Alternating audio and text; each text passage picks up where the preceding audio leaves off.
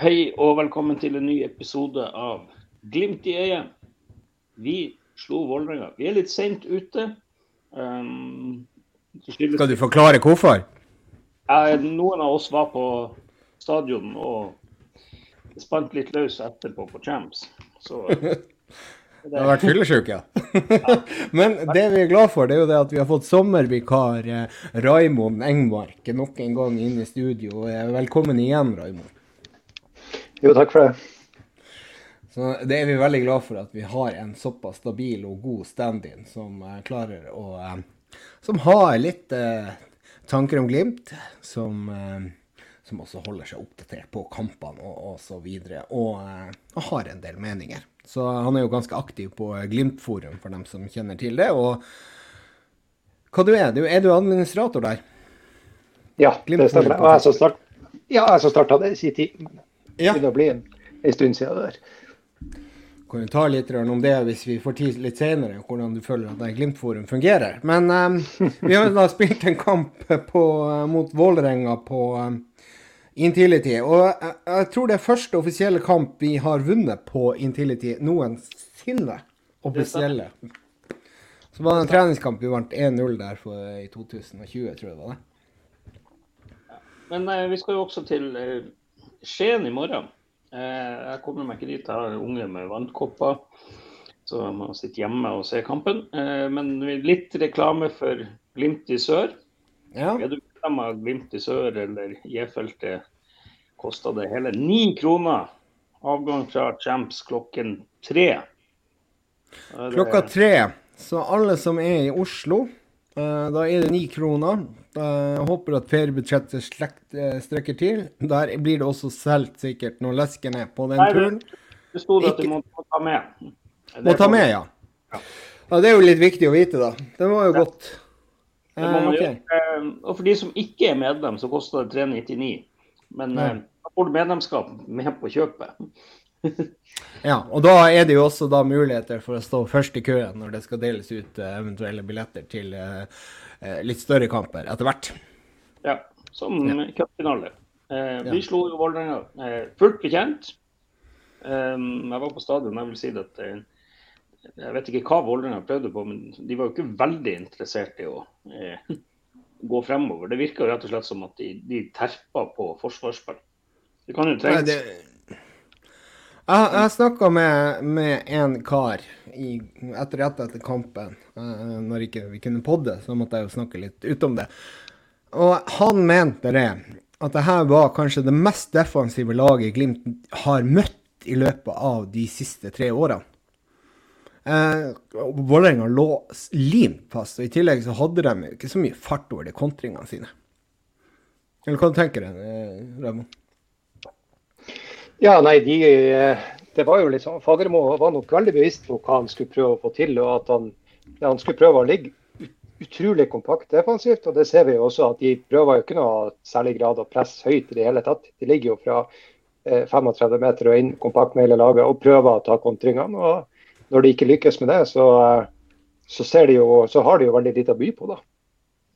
Ja, absolutt. De har jo ingenting. Eh, Jeg vil jo si, men, men eh, for, for Glimt sin del så var det jo her et det er jo et kampbilde vi fort kan møte mot Odd.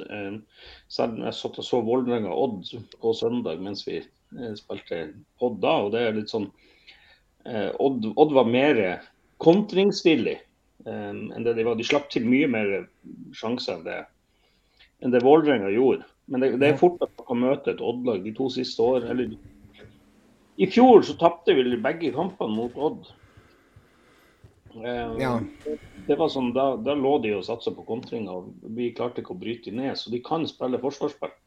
de hadde jo vådeskudd som gikk rett i mål på jeg tror det var begge kampene. Så Ja. eh, Men eh, det er jo et annet Odd med han Paco. Det er jo et helt annet Ja. Odd. Og de er veldig eh, de, spiller, de prøver jo å spille litt, eller veldig likt Glimt, egentlig, uten å egentlig ha kanskje enten kvalitetene til det, eller at de ikke er kommet langt nok i, i utviklinga med, med laget. At han ikke fått gjort nok. Men mm. det blir jo samme tankegangen. Men de, de mangler jo kvalitet å gjennomføre det.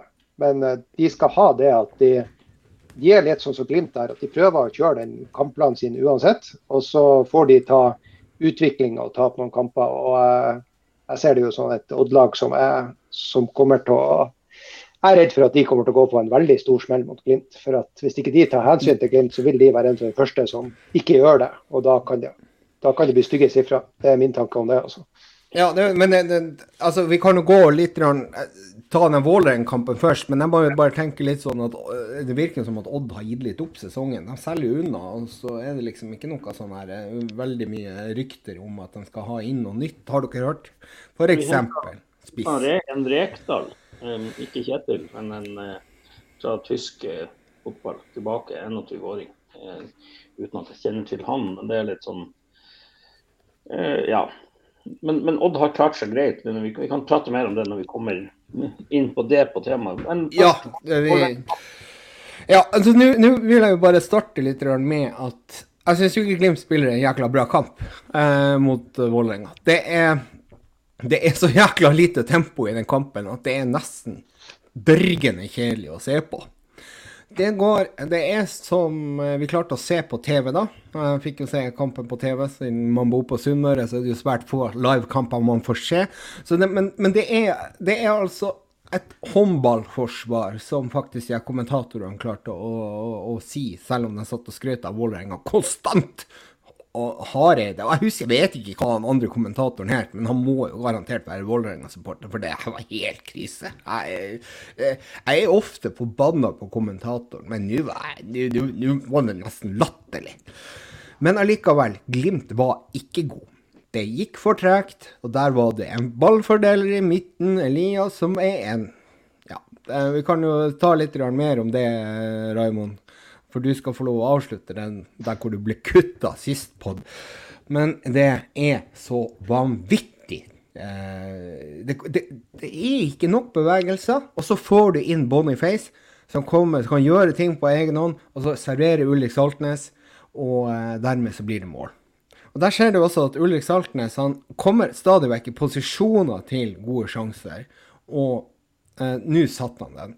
Men han kunne skåra flere mål i denne kampen, her, som vi har snakka om de tre siste kampene. Jeg syns Ulrik hadde en veldig dårlig kamp mot Vålerenga, da. Det kan jo sies. Så da har jeg nå kicka dere litt, litt, i gang. Og uh, hvem som tar ordet nå, det er jeg veldig spent på. Ja, jeg kan, jeg kan jo starte. for at, uh, ja.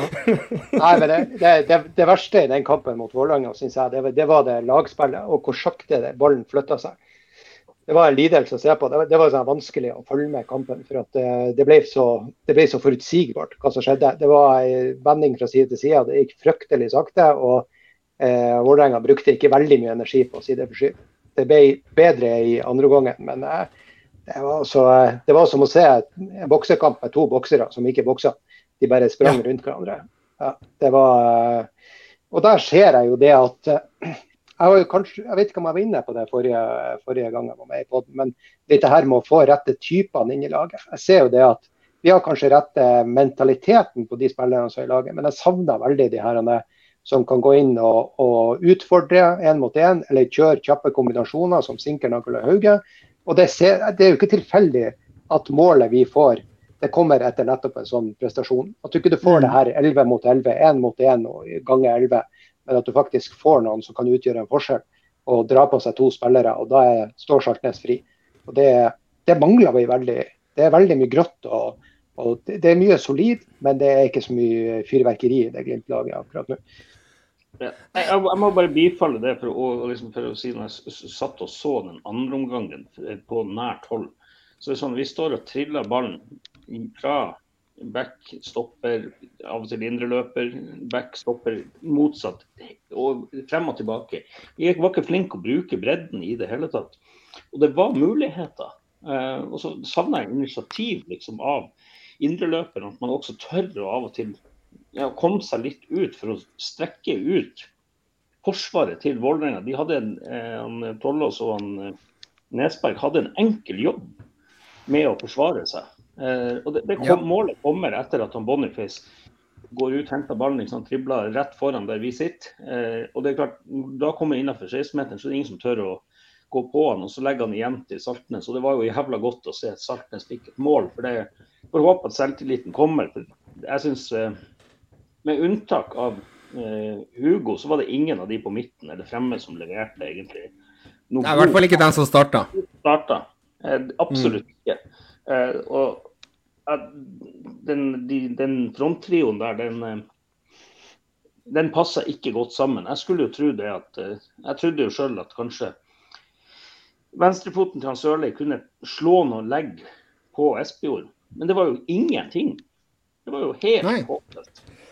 Nei, og, og Espejord gjemte seg jo også bare bort. Uh, han uh, Der er det jo, og det gjenspiller seg litt i, faktisk i børsen til AN, for den har vi jo faktisk nå tilgjengelig i og med at vi tar uh, podden ganske seint.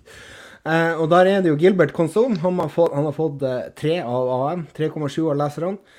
Eh, Runar Espejord har fått tre av AN. 2,9 av leserne. Og Sondre Sørli 3 av AN og 3,1 av leserne. Så det er jo klart at det her er jo langt under paret i forhold til hva man eh, ønsker. Og så i tillegg så uh, Ola Solbakken, som har kommet inn, har fått fire. Og så har ikke Boniface fått karakter, og det irriterer meg litt. For han hadde blitt banens beste hvis du hadde uh, gitt han uh, muligheten til å få karakter. Han. han spilte ikke mange minutter, men han kom vel inn etter 62, og da bør det vel være muligheter for å få poeng, eh, Avisa Nordland. Ja, men, men... ja han har jo, han jo, han jo spilt mer enn 30, for å si det sånn, som er deres ja. grense. Han kom, ja. Så det er bare to minutter tillegg. Fire. Jeg, sitter på, jeg sitter og ser kampen i opptak mens jeg spiller dette inn. ikke sant? Jeg ser, det, det er begredelig, det som blir Nå er snart førsteomgangen over. Reprisen. Det, det, er begredelig, det som skjer. Um, også Espejord blir stående veldig på hælene på Tollås, som er en eh, solid fysisk stopper. Eh, han, han, klarer ikke å ta de med ut på løpetur. Det blir veldig stakkato, det som skjer fremme der. Sammen med Sørli. Gilbert har noe initiativ, men han lykkes jo ikke. Eh, jeg syns når Muka kommer inn, det er litt sånn friskt. Eh, han får noen minutter der. Jeg syns eh, Boniface kommer inn og gjør det bra. De to endrer litt Endrer litt. Det, de og ja, Pelle og Solbakken, det, det, de to som starta. Eh, jeg tror ikke de skal starte neste kamp, for å si det sånn. Nei, ikke det. jeg tror ikke de tre som starta skal. Men eh, altså, nå skal jeg si det at jeg syns egentlig av de tre som starta på topp, da, eh, så er det Konsum som kommer best ut av det. I hvert fall i mine øyne. Han har nå i hvert fall litt å bidra med et skudd i stanga, så er det jo Ja, men det var en keepertabbe som, som jo, jo, han ikke utnytta godt nok han har også noe som kunne ha vært en sjanse hvis innlegget hadde vært litt mer presis. Men vi gjør det for sjelden. Ja. Det er, vi, vi, vi, utnytter ikke det at han... Ja, men det her, det, her, det her, kommer an på det, det, er sånn som man sier det. Det er fart. Det er, fart, det er ingen fart i det her. Og det er egentlig ikke sant, Hvis det er noen som skal styre tempoet i den kampen, så er det sentralt i midten som skal gjøres. Og da er ballen servert til deg, Raymond, for du fikk ikke øh, fullført din uh, analyse av eh, sentral midtbane i Bodø-Glimt 2022. Ja, vi får se om Putin kommer og drar ut kontakten på nytt. Ja. Men eh, det er altså eh, Nei, altså, jeg er, jeg er, jo ikke noe pro Elias Hagen. Jeg synes jo, så det kan jeg jo bare si, at jeg er jo litt negativt innstilt på han. Ikke som, selvfølgelig ikke som menneske, men ut ifra det han har levert på fotballbanen. Eh, og eh, jeg syns han, han mangler tempo, han mangler initiativ. Det er lite spurtmeter. Når, eh, I det offensive så spiller han på Han har en fantastisk pasningsfot som han viser en gang iblant, som er, har veldig gode pasninger. Men 90, altså, jeg skal ikke si prosentandel, men, men veldig mye av pasningene hans er tilbake til der ballen kom ifra. og Han vender sjelden opp. Han klarer sjelden å løpe seg i fri posisjon. Når han sjøl mener han er i fri posisjon, så kan han ha tre spillere innenfor tre meter, som er stor risiko for å miste ballen. og du ser Medspillerne tør ikke å spille på han. I det defensive arbeidet så eh, kommer han veldig sjelden opp i mann. Når han blir springende på sida, han plager det ikke. På de defensive løpene når han skal følge midtbanen inn i feltet, så slutter han bare å følge. og du Veldig ofte så slipper han mann mellom back og stopper. Nei, jeg syns, eh, jeg syns det er en spiller som ikke leverer på Glimts midtbane. og Det er jo ikke sånn at vi skal ha en spiller der som bare skal være der og ikke gjøre feil. Vi må jo ha noen som bidrar, ja. som gjør noe positivt, som gjør at Glimt får en advantage. Og når jeg så denne landskampen med han, der både han, eh, Patrick og Fredrik eh, spiller, så, så, tenkte jeg dæven hva vi har mista. Og hvis vi har tenkt, å, hvis vi har tenkt, eller har lyst til å ha de prestasjonene vi har hatt de siste årene, så er vi faktisk Noen sier at ja, men vi må akseptere at vi ikke har like gode spillere, vi har mista dem. Men skal vi ha de resultatene, så er vi nødt til å ha bedre eller spillere som leverer bedre. De kan gjerne være ukjente, de kan gjerne være litt, eh, altså trenge litt tid på seg, men vi kan ikke ha spillere som aldri leverer. Nei, og det går på kamp på kamp på kamp. Og så hadde du en liten opptur nå mot Harstad. Og var det Ålesund, eller var det Var det Ålesund? Det Ålesund han spilte en OK kamp? Ok, Og så faller vi liksom tilbake igjen til det samme greia. Og han har jo en del Han har to farlige mist som jeg klarer å huske fra den kampen her. Og dem kan Vålerenga faktisk skape store sjanser på, hvis de hadde vært litt mer i skoen der og hatt litt mer selvtillit i det laget og brukt de spillerne som de, eh, som, som, som de, har kjøpt inn og, og har navn på. Eh, store navn. Eh, men altså eh, Det som Jeg hørte den her eh, podden til uh, hva det blir, Studio Glimt, da. Den bør vel alle høre. Og de fleste hører vel sikkert den når de hører på oss. og der var det intervju med Patrick Berg. Og der nevner Patrick noe som jeg tenkte kanskje kan eh, være en nøkkel for Elias. Og det er der at han ser ut som at han går ut på banen der og er litt redd for å gjøre feil. Eh, det, er, det var også noe som Patrick eh, holdt på med i 2018. Han var redd for å gjøre feil. Han skulle i hvert fall ikke gjøre to feil i løpet av en kamp, og da ble pasningene sikrere. De ble Eh, det ble egentlig ikke noe ut av det han gjorde. Men så klarte han å legge det bort i løpet av denne vinterhalvåret, det berømte vinterhalvåret frem til 2019, der hvor han snakka Snakka mye med Jørn Mannsverk om å frigjøre seg sjøl, tenke positive tanker, for å si det sånn, og være fremoverretta offensiv. Og da begynte han å gjøre det, at, uh, å spille på den måten at han skulle gjøre seg best for laget, men også ikke være redd for å gjøre feil. Og det har jo vært en del av Glimt sin suksessoppskrift da, i de årene hvor vi har gjort det bra. Og uh, nå vet jeg ikke om Elias har de basiskunnskap, eller ferdighetene til å kunne gjøre det her, bl.a. fart, som vi har snakka om tidligere. men allikevel så, så virker han veldig forknytt Altså det, det, som jeg ser på han, ikke sant? hvis han har en langarma drakt ikke sant? Det er litt sånn at han holder seg fast, litt nervøs, og så går han ikke helt inn i den taklinga. Så har han ikke helt tro på at han vinner den, og så er det sånn den pasninga. Tør han å slå den? Ja, han er en god pasningsfot, men han tør ikke å slå den, for derfor, derfor går den ballen tilbake igjen, kanskje til Høybråten eller eventuelt Mo bakover, og eventuelt på sidebekken, som står ganske langt nede. Og så har vi det stående igjen.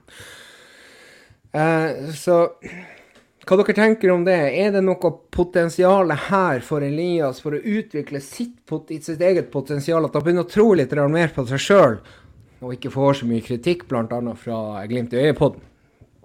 Om de ikke hører på det.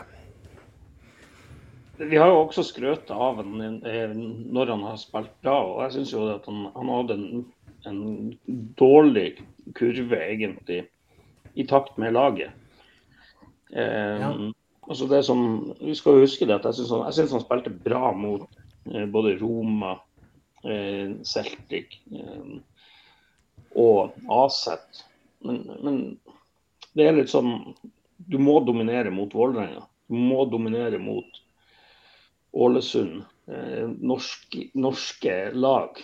Det, det, det, er sånn, Du kan ikke bare liksom spille de store kampene. Jeg synes at jeg syns han virker litt som du sier, kanskje litt feig nå. Eh, kanskje er det det at han tenker for mye konsekvenser.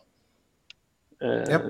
så, så, Det jeg savner, det er litt den eh, smartnessen Patrick Berg hadde. og det er sånn Jeg forventer ikke at du skal ha en at Elias skal bli Patrick Berg, men at han skal ha noen samme rollen. For det, det, er jo det vi trenger. Vi trenger jo en spiller som er en rollespiller.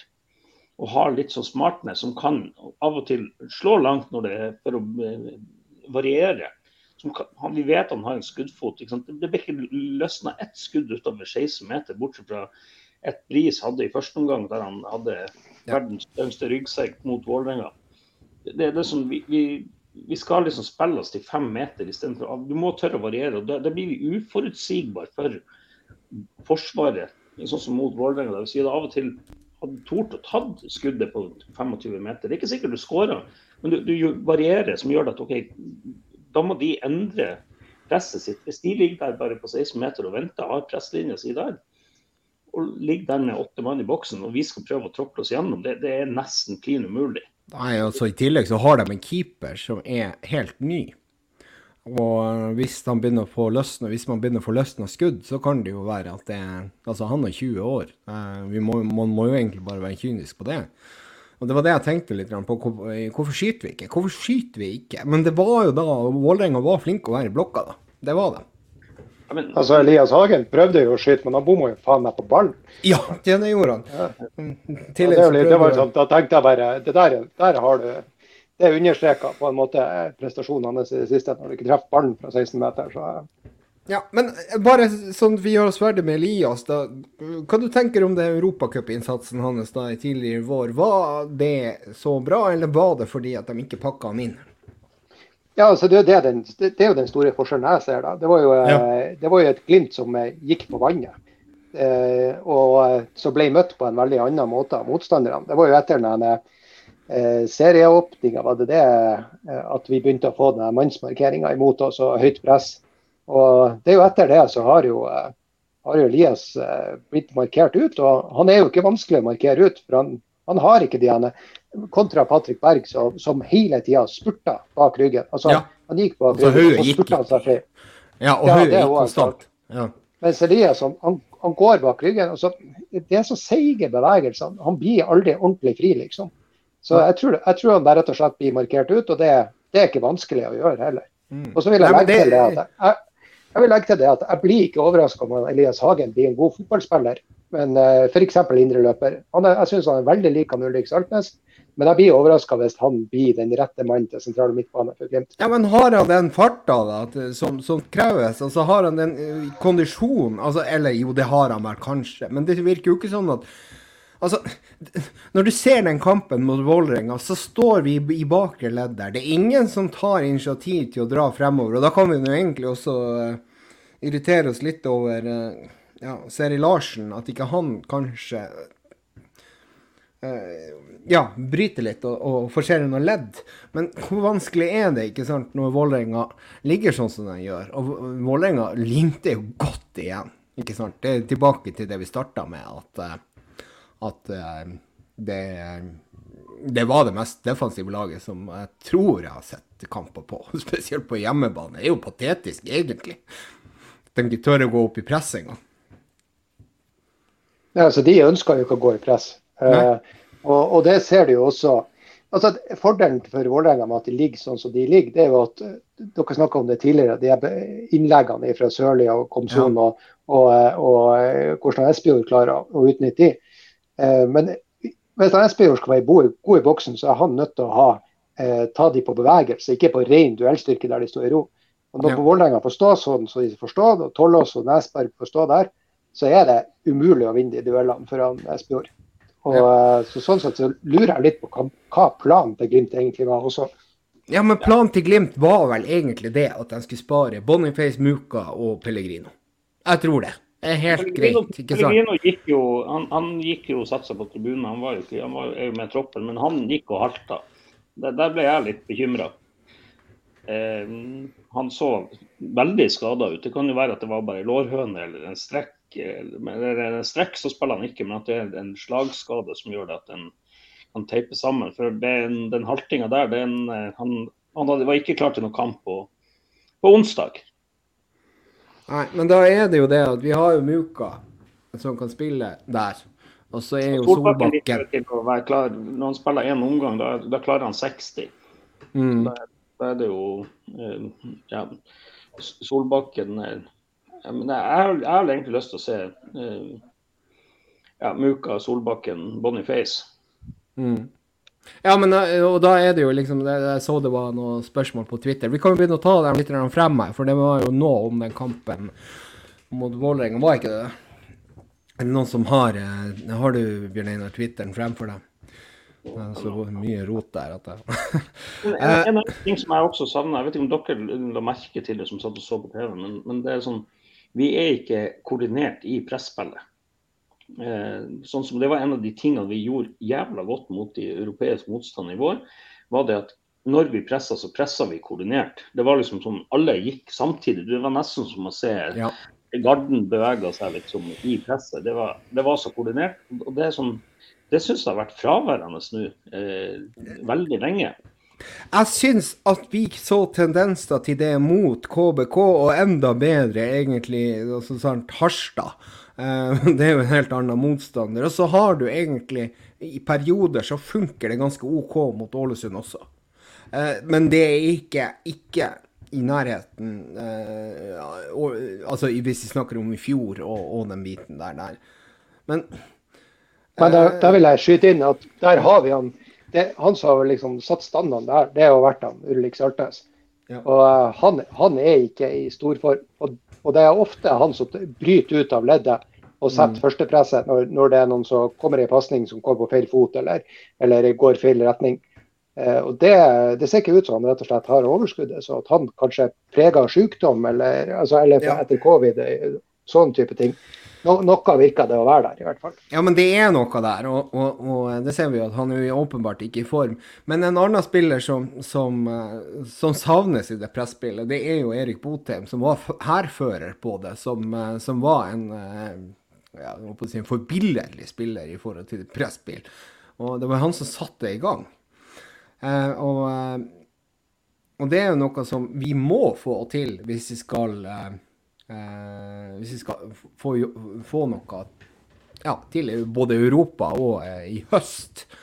Men det er blitt betydelig mye bedre. Å kjøre et presspill mot et lag som, som legger seg så langt bak som Vålerenga, blir litt vanskelig. De satsa jo kun på kontringer, om de nå gjorde det. Så, ikke sant? De, du, de ga jo bare ballen til Glimt igjen. Så det var liksom ikke noe du, jeg vet ikke om du kan bruke denne kampen som referanse i forhold til det her med gjenvinningsspill. Kan du det? Er det feil av meg å si det? Nei, men, men, i første omgang da er det litt sånn, det er en åpen kamp. ikke sant? Da, da Jeg syns når, når, vi presser, så er det litt halvhjerta. Ja. Og så er det sånn at Når man skal presse, så gjør man det jo gjerne. Glimt har jo veldig ofte prøvd å vri presset over på si venstreside mm. og låse av der for at det skal liksom vinne ballen på venstre, og så skal det gå fort. Og så har du da eh, muligheten til å slå over på høyre der det er litt mer rom, hvis du, hvis du vinner ballen da. Men, men jeg, jeg, må si jeg syns presspillet det, det er sånn halvhjerta. Det er én og én, det er ikke noe koordinert. Og Vålerenga er et lag vi burde, burde ha tatt ut. Um, og det, det, er sånn Jeg skal prøve igjen, da. Vi må rett og slett bare bli bedre. Men så skal det jo også sies at Glimt reiste vel ned på tirsdag eller noe sånt til tirsdag eller onsdag, i hvert fall ned til Oslo. Eh, det kan jo være at de har trent hardt. Eh, for nå er det noen viktige kamper som kommer, og de er jo nå nede i, i Oslo-området. De Litt pga. logistikk og mulige utfordringer med fly, så reiste de ikke hjem til Bodø. Nei, nei, men eh, en annen ting er jo det at vi spilte jo kamp også på, på det var jo eh, Kan være søndag klokka 20, ikke sant? Ja, Så, så det, er jo, det, er jo, klart at når du spiller kamp igjen onsdag, så, så henger det litt igjen også der. Det, de er ikke like godt trent nå i år som de var i fjor og året før. Og dermed så, så, får du vel en reaksjon også på at ikke det blir det fres og fart. Og så i tillegg så har du også en, en, en starttreer fremme som ikke har vært starttreeren i det siste.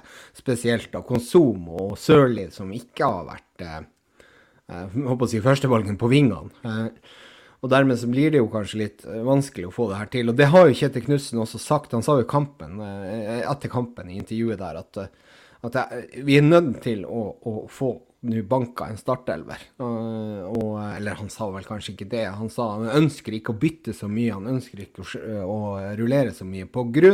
relasjoner og den biten der. Og det er jo presspillet. Og presspillet er nøkkelen til Glimt.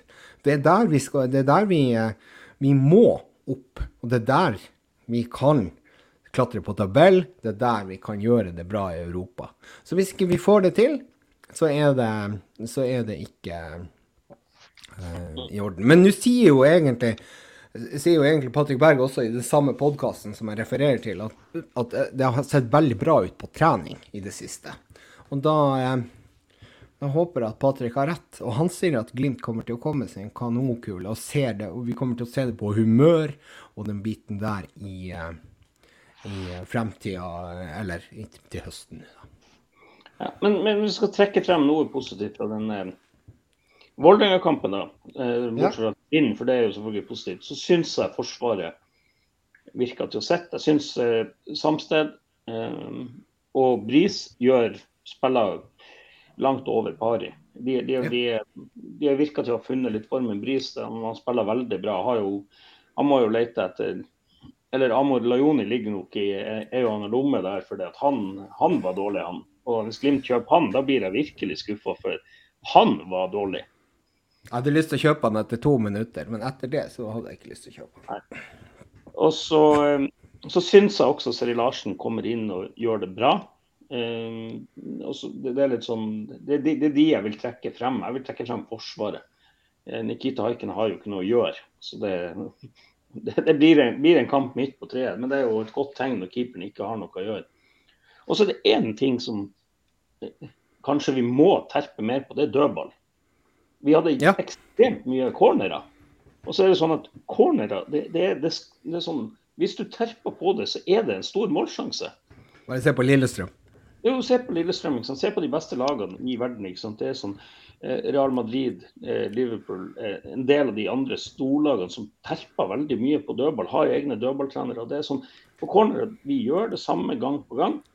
Og sånn som nå, det var ingen som angrep bak bakre stolpe, sånn som eksempelvis Patrick Berg gjorde hele ja, Der er vel Hugo sitt ansvar bakre, sånn som jeg klarer å se det. Og Det har ikke vært noe produktivt der. Så det, er et eller annet som ikke sitter på de dødballene. Saltnes er jo ikke i form, så det, det, Nja.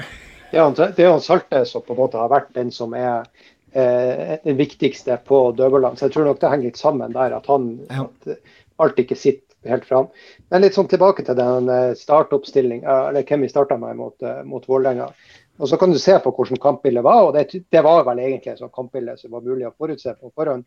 Eh, hvordan av de spillerne som ble rullert inn i, i fronttrioen, eh, passa egentlig det kampbildet? Du har Sondre Sørli som eh, er veldig god, har et sinnssykt bra eh, fot for å slå legg, men han kan ikke slå legg mot eh, altså et forsvar som står i balanse. Eh, og på, da, på, den andre sida så er det han Komson han er litt sånn eh, Han vil gjerne ha de Trond Olsen-rommene å springe i. Eh, så har du Espejord, og han tror jeg kunne vært rett mann å, å, liksom, å spille med mot Vålerenga dersom midtbanen hadde fungert. For at han er jo god på kombinasjoner. Han er veldig god med ball i beina. Eh, men de to vingene der, altså det, de, blir nok bare, de blir nok bare brukt fordi at vi vil gi de andre pause. Ja.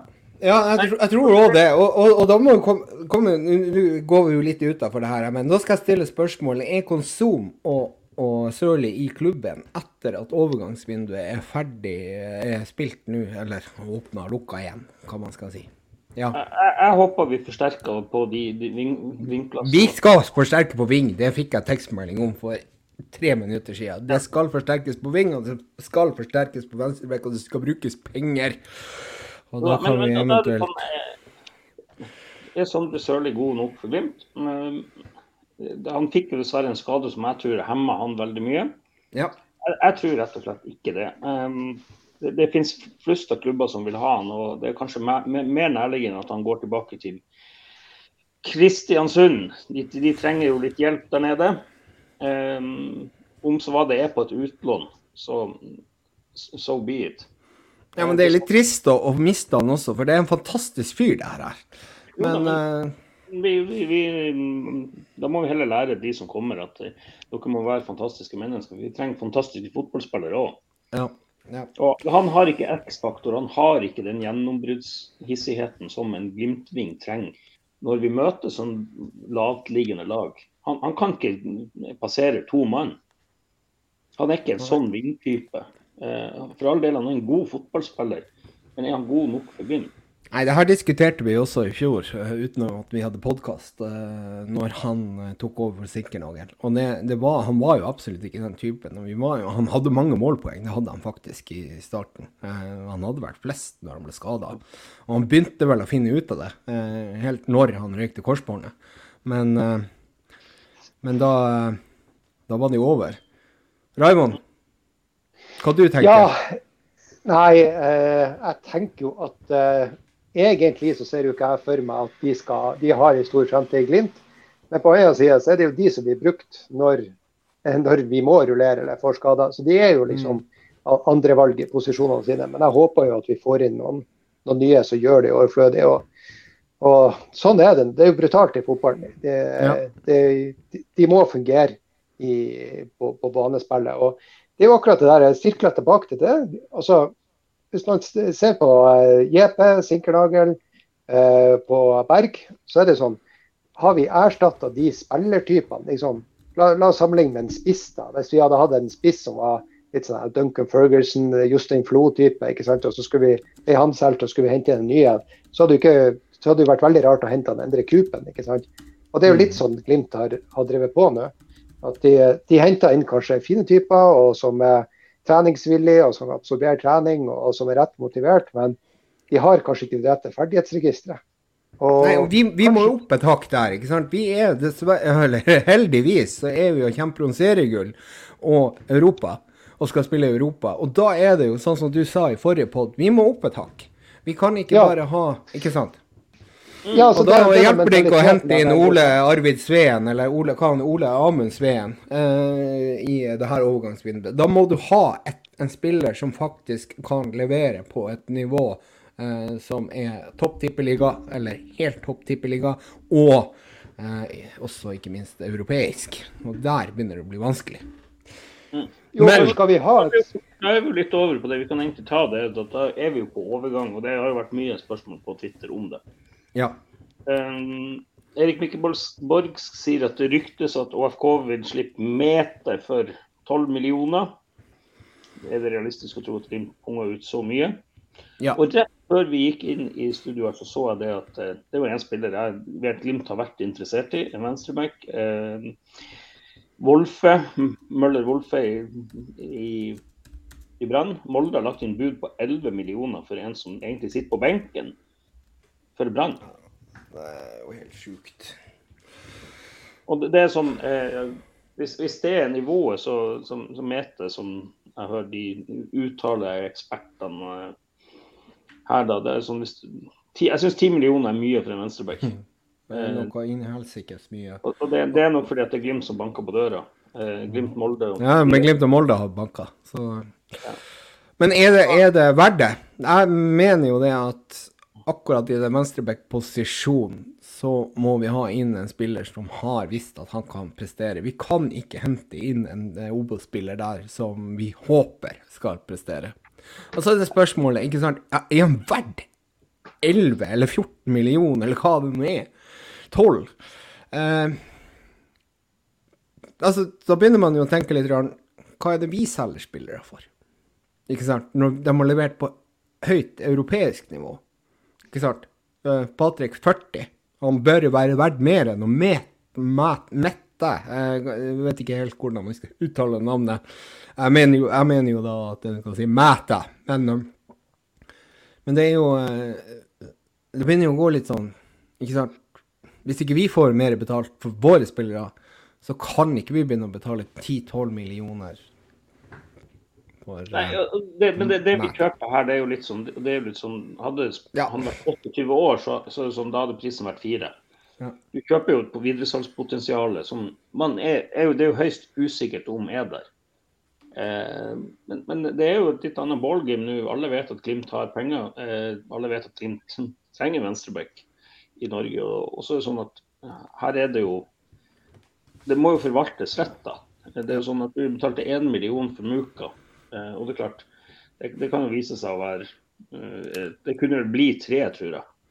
Eller, eh, jeg husker ikke helt hvordan det var der, uten å ha detaljene foran. Men så er det sånn, det, det, er, jo, det er jo potensialet man betaler for der. Ja, og så betalte vi jo ing ingenting for Seri Larsen. Uh, er fem millioner for Seri Larsen. Ja, og, nei, det var ikke tre, det var tre millioner. Ja, men, men uansett, det er sånn at der, der hadde jo han en avtale som ikke Det var ikke lov, men det var nå en gentleman's agreement, heldigvis. Ja. Så, så, men, Glimt må ha en venstreback. Er han verdt 12 millioner? Ut ifra det at han spiller på Ålesund, har en, en og en halv god sesong? Nja. Jeg tror ikke han er verdt det, men det kan godt hende at det er prisen Glimt må betale. Hvis eh, Molde betaler 11 millioner for Wolfe fra Brann, og får han for det, så er det sånn at da, da tror jeg vi må ut med det samme for, for Ja, det blir jo egentlig litt som at når naboen selger huset sitt for fire millioner, så, så skal vel du også ha det. Så, så da blir det jo sånn. Ja, og det her, det her utvikla seg til en diskusjon ser jeg, mellom Iver og Eirik Mikkelborg. At, eh, at eh, det, det, det, det går jo rykter om at det stemmer at Glimt har bydd 10 millioner. Vi vet ikke det. Ja, men det vet ikke vi. Og det, det, men, nå er det sagt mellom eh, linjene her at Kjetil han skal få den venstrebekken sin. Og da får det koste penger. Og venstreback er jo en veldig vanskelig posisjon å kjøpe i. Altså, det finnes ikke veldig mange gode venstrebacker her i, i, i landet. Nei, det, det ikke, Venstreback trenger jo ikke å komme fra, fra Norge. Eller, eller Nei, det er akkurat det. Ja. ja. Så, og, og, jeg må jo si det at innimellom så legger man jo merke til, til spillere. Sånn som han, han Junker, ikke sant, før han kom til Glimt. Så kunne ja. man se at faen, han her må Glimt eh, Og det syns jeg kanskje med han Sigurd Haugen, at eh, med det presspillet og energien hans, ja, kanskje. Men jeg har på ingen måte lagt merke til han Mete på, på den måten. Uh, så jeg syns jo ikke det er noe sånn Det er jo ikke et spiller vi skal, vi skal break the bank for. Og det syns jeg vi gjør med den prisen der. Ja, vi gjør det. Det, det, det blir jo dobling av, overdobling av eh, den høyeste prisen vi noensinne har betalt for et spill. Vetlesen er vel fortsatt den dyreste spillet Glimt har kjøpt. Uh, Men, så men, og det er et stort men her, det er jo det at nå som landslaget også gjør det bra, så er det jo et annet marked for norske klubber å selge spillere til utlandet. Ja. Eh, jeg leste nå at, da å selge dem, da. Ja, men jeg vet leste at så 15 nå var interessert i Holmgren Pedersen, og de har vel kasta ut 10 eh, millioner pund. Oi! Ja, men det ville jeg betalt for Holmgren Pedersen også, for dæven for en god høyrebekk han er.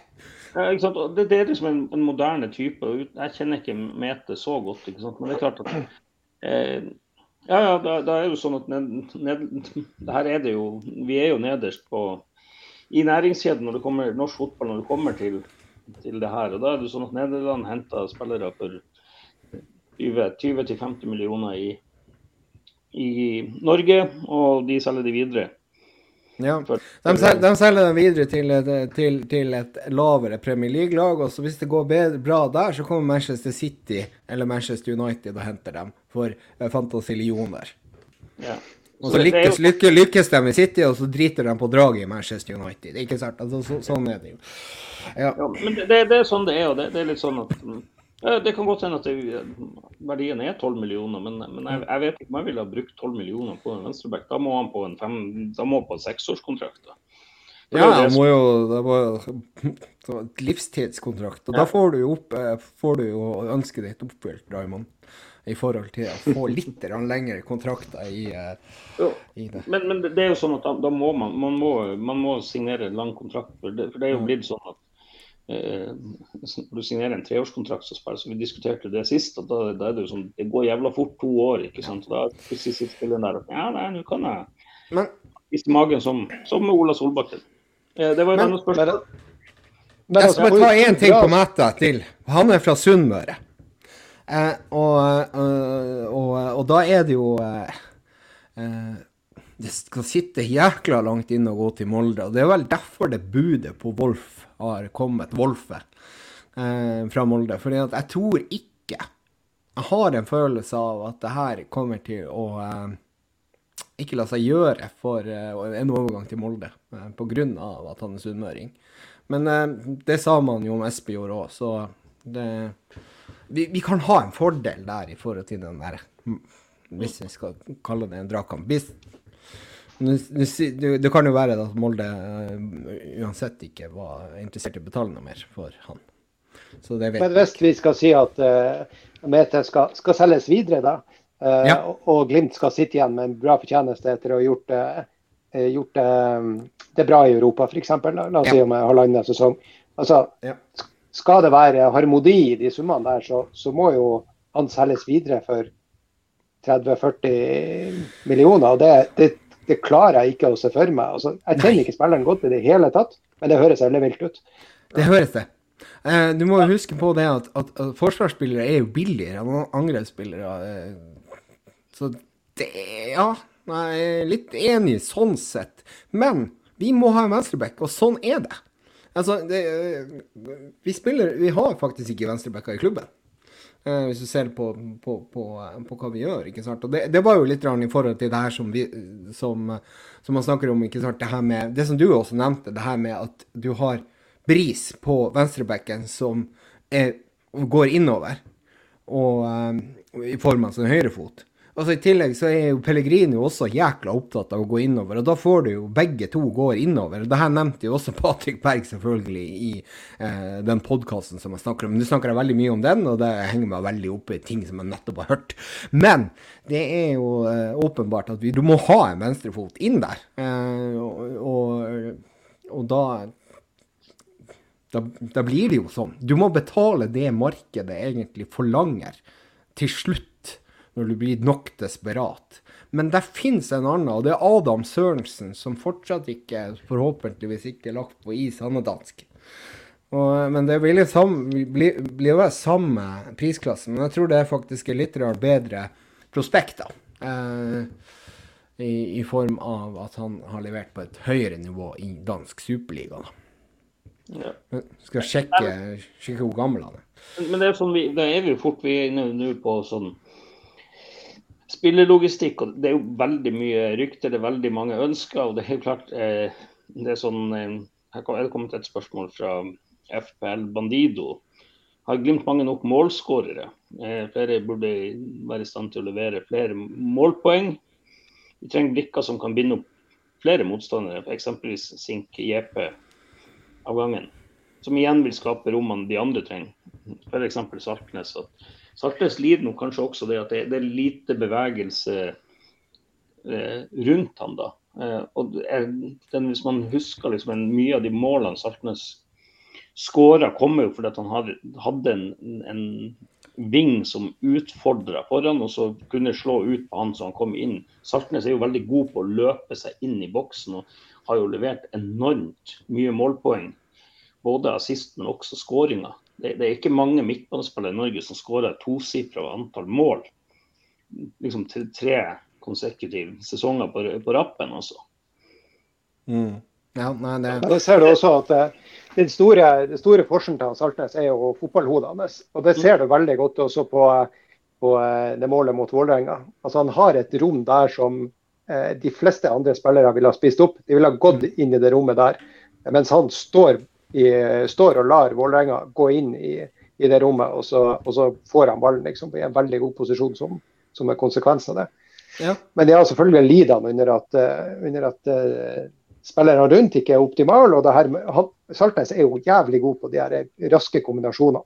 Der kommer jo også fotballhodet til syne. Mm. Og så har, Vi har jo målskårerne i Saltnes Hugo eh, ikke, ikke sant, på, på midtbanen. Men jeg syns det her det er et godt spørsmål det her med om vi har de rette typene på vingene, sånn som jeg var tidlig, inne på tidligere. Ja, og da, og da, er det jo egentlig det at du skal ha eh, da, motsatt bekk. Og da kan det jo være, la oss si at du får inn en venstreving med en venstre fot som du ønsker å gå utover, så kan det være riktig å bruke bris på venstre bekk.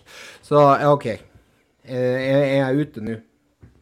Ja, men, men, men eh, altså Bris har jo vist at han, han kan når han konsentrerer seg. Problemet er jo det at han virker til å være sånn som en, en unge på ett og et halvt år. Jeg snakker av erfaring at du gir en beskjed, og så er det sånn, så er det jo det er jo glemt veldig fort. Men Nå har det spilt bra i to kamper, så det er sånn at vi var Vi får håpe at det, det, det kommer seg der. Men, men, men det skal sies også at uh, Det må jeg si, at det skal sies på han, ja. han Bris. Der har vi fått rette typen han er veldig lik han Bjørkan i mentaliteten og ja. måten han behandler ballen på. Nei, det, det, det, er litt sånn samme, samme greia. Han krummer nakken og bare går på. Det er, det er kram, samme kroppsbygning egentlig også, så det er bare det, det kan jo være bra. Men apropos eh, Det var noen som lanserte det her. Jeg er ikke enig i det, da. Men eh, Dahl Reitan eh, er havna litt i kulden. Han klarer ikke å spille wingback i Rosenborg. Er det et alternativ? Jeg tror ikke det. Han, ja, Det ble han har jo hatt en fall, fallende som Da han var god i Glimt, Ja. så syns jeg ikke han har vært spesielt god i Rosenborg. ja, men var han så veldig god, da? Ja, det var laget godt? Men ja, ble han løfta av laget, eller ble laget Ja. løfta av laget han? Det Men har ikke han jeg spilt eh, har ikke han spilt midtstopper og greier, og wingback og wing, og det har vært Ja, liksom han lapskausskader. Og ikke blitt dyrka Nei. i Rosenborg, altså. Mm. Så og Men- jeg syns jo Jeg er for, det. Vil han Dahl Reitan til Glimt, så ja, gjerne. Jeg syns han er en spiller som veldig liker han Samsted. Mm. Ja, og hvor, hvor, hvor offensiv hvor, og hvor, Hvis du skal rangere da Dahl Reitan og Samsted, hvor langt unna er Dahl Reitan Samsted? Jeg har jo ikke klart å sette han, ikke sant. Det er sånn du sier, han har jo spilt wingback og midtstopper, og hva guds faens oldemor han har spilt der i Rosenborg. Rekdal har jo ikke kontroll, han vet jo ikke hva han har. Altså, Samsted har jo utvikla seg til å bli en ekstremt god back. Eh, I begynnelsen så var det sånn første sesongen hans så var han jo god, solid defensivt. Men nå har han jo i tillegg begynt å bidra offensivt. Eh, han har jo Det er jo harehjerte på han. Altså, han, han, Ha, ha, ha, ha, ha, Hardert! ja, nei, men han, han legger ned an, x antall meter der. Eh, hvis vi skal se til Norge, så er det faktisk en, det var vel en på Vålerenga som kanskje kunne vært et alternativ som høyreback. og det, Han er jo, spiller jo egentlig ikke høyreback så ofte, men eh, Henrik Bjørdal jeg, jeg liker veldig godt typen. Ja, men hva hva, hva, Hva skal svensken ha for han honom? Er det 40-30-40 mill? Er er Ja, han er også, også en type som kan spille indreløper. Eh, kan være eh, en offensiv høyreback. Eh, ja, som sagt, han, han har det der at han kommer inn rundt på kanten. og Det, var, det Vålerenga prøvde på, var jo egentlig bare å eh, få han rundt på kanten og doble med doble på kanten der, og det, det er sånn, Nå lykkes de jo ikke mot der, men hvordan kan han bli med, med bedre spillere? Det er klart, men han har jo sikkert en fantasilønn i, i Vålerenga. Ja, det vil jeg jo tro. Altså, det, det, det er jo så langt unna som vi kan tilby. Jeg tror makstak ikke i Glimt har de sagt det en mild. Men jeg håper at de kan ta, heve det. Men eh, det må man ha. Et spørsmål fra deg her. Ja. Hva, hva betalte Rosenborg for han Pereira, egentlig? Jeg tror de betalte fem millioner. Ja, så Sett det opp imot eh, de her andre. Altså, vi- millioner Fem Ja. Pereira, hadde vi fått det tilbudet, kjøp. Ja. Kjøp, ja. Ja, ja. Mm. Så eh, sett det opp mot eh, de andre alternativene da, vi snakker om Ja. nå, så, så er det jo kanskje der landet ligger, da. Og Mm. han vil, eh, Å fått både Dahl Reitan og Pereira, det blir vi jo aldri å få til, da. Men Ja, men kan ikke Ja, vi bare kvitte for Ro Rosenborg er jo interessert i å spare penger nå. Eh, de har, han har jo sikkert en superlønn der. Kanskje de har lyst til å selge han øh, nå? Han funker jo heller ikke. Jo, han funker. Han har, han har hatt bra kamper nå i det siste, faktisk. Nå har de begynt å elske han der i rotsekk. Så det, Pereira er vel egentlig kanskje eh, den beste venstrebekken i Norge. Er det helt gærent å si det? I Eliteserien, ikke i Norge. I Eliteserien, ikke i Norge. Der, for er, mange. der finnes jo en i Post Nord som er bedre. Nei, Nei, hva, barna i kirka nå? Nei da, men Pereira har, eh, han har eh, en god venstrefot. Ja. Eh, det er liksom å kunne slå innlegg, ikke sant? å komme seg rundt og ha ja, Kunne legge ned de kilometerne og bidra offensivt. Det er jo det Glimt trenger.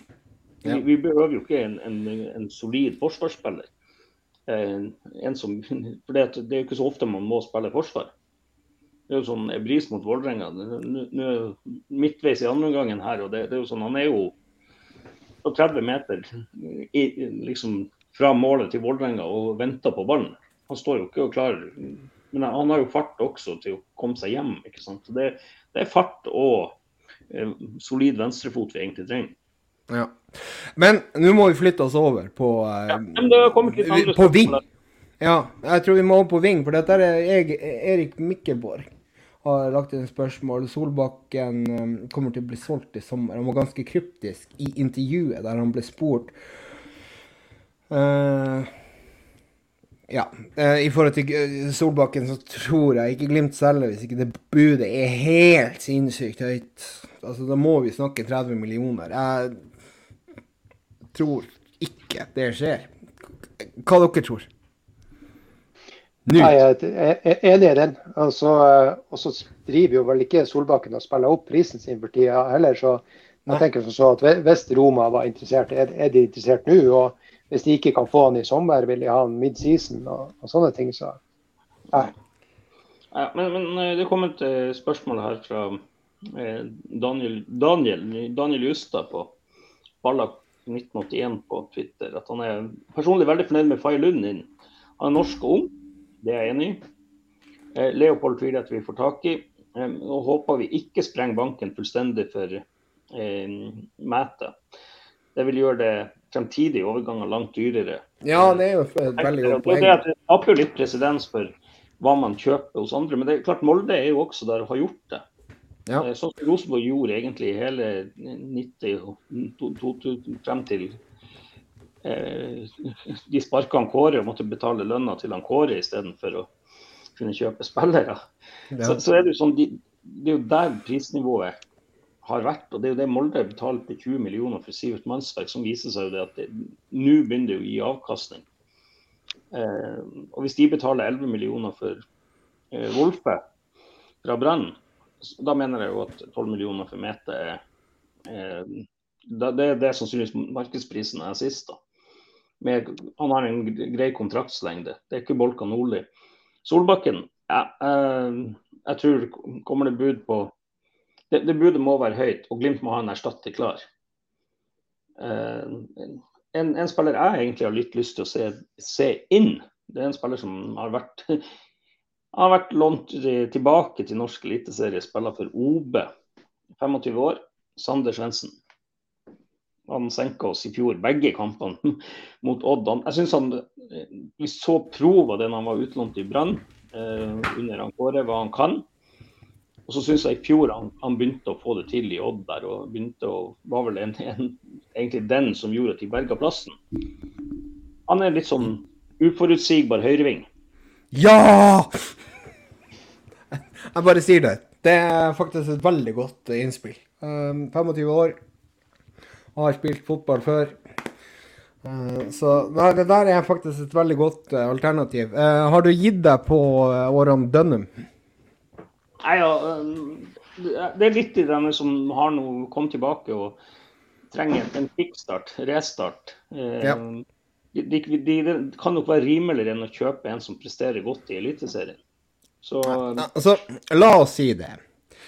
At Aron Dønnum eh, Han går jo tilbake igjen, hun får jo ikke spille i, eh, i Standard Liège under Ronny Deila.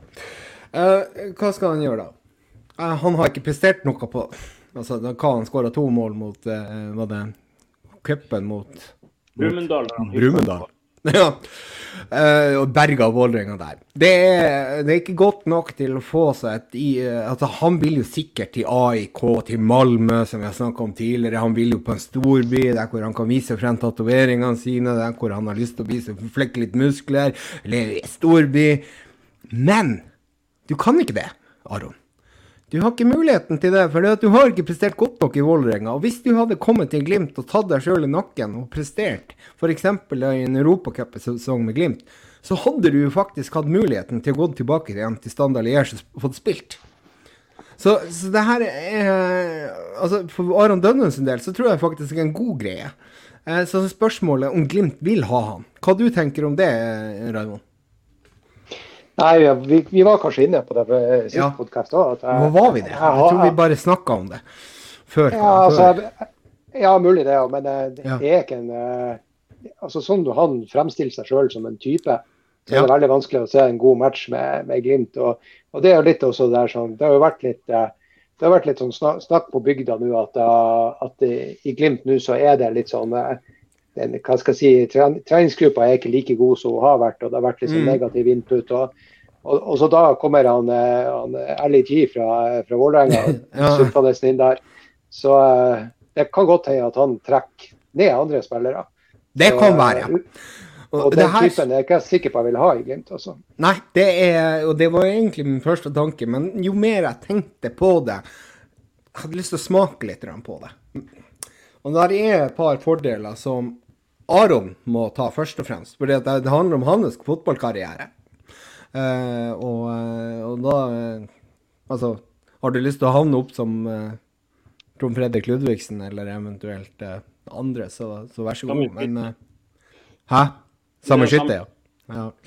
Nei, men jeg tror jeg vet ikke Det, det skal vi jo ikke si, da. men ja. men uansett Jeg vil heller ha Juni.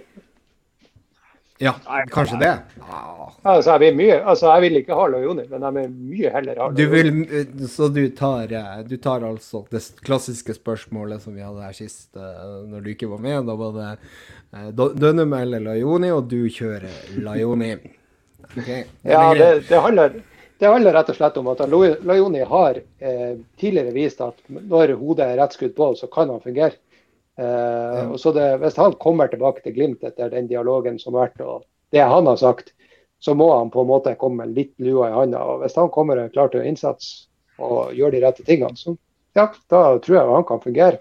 Ikke, han kan kanskje ikke heve et lag i Champions League, men at han kan være bedre enn kan Sørli. Og, og, ja, det kan han. Helt, det, helt, klart, helt, klart, Og der er det jo egentlig den uh ja. Det er faktisk en litt sånn, litt sånn OK tanke, det også. Så, men uh, at Glimt må ha inn, som vi har sagt, til gjentatte ganger, venstreback, uh, kanskje høyreback, kanskje både høyre og venstre ving. Ja.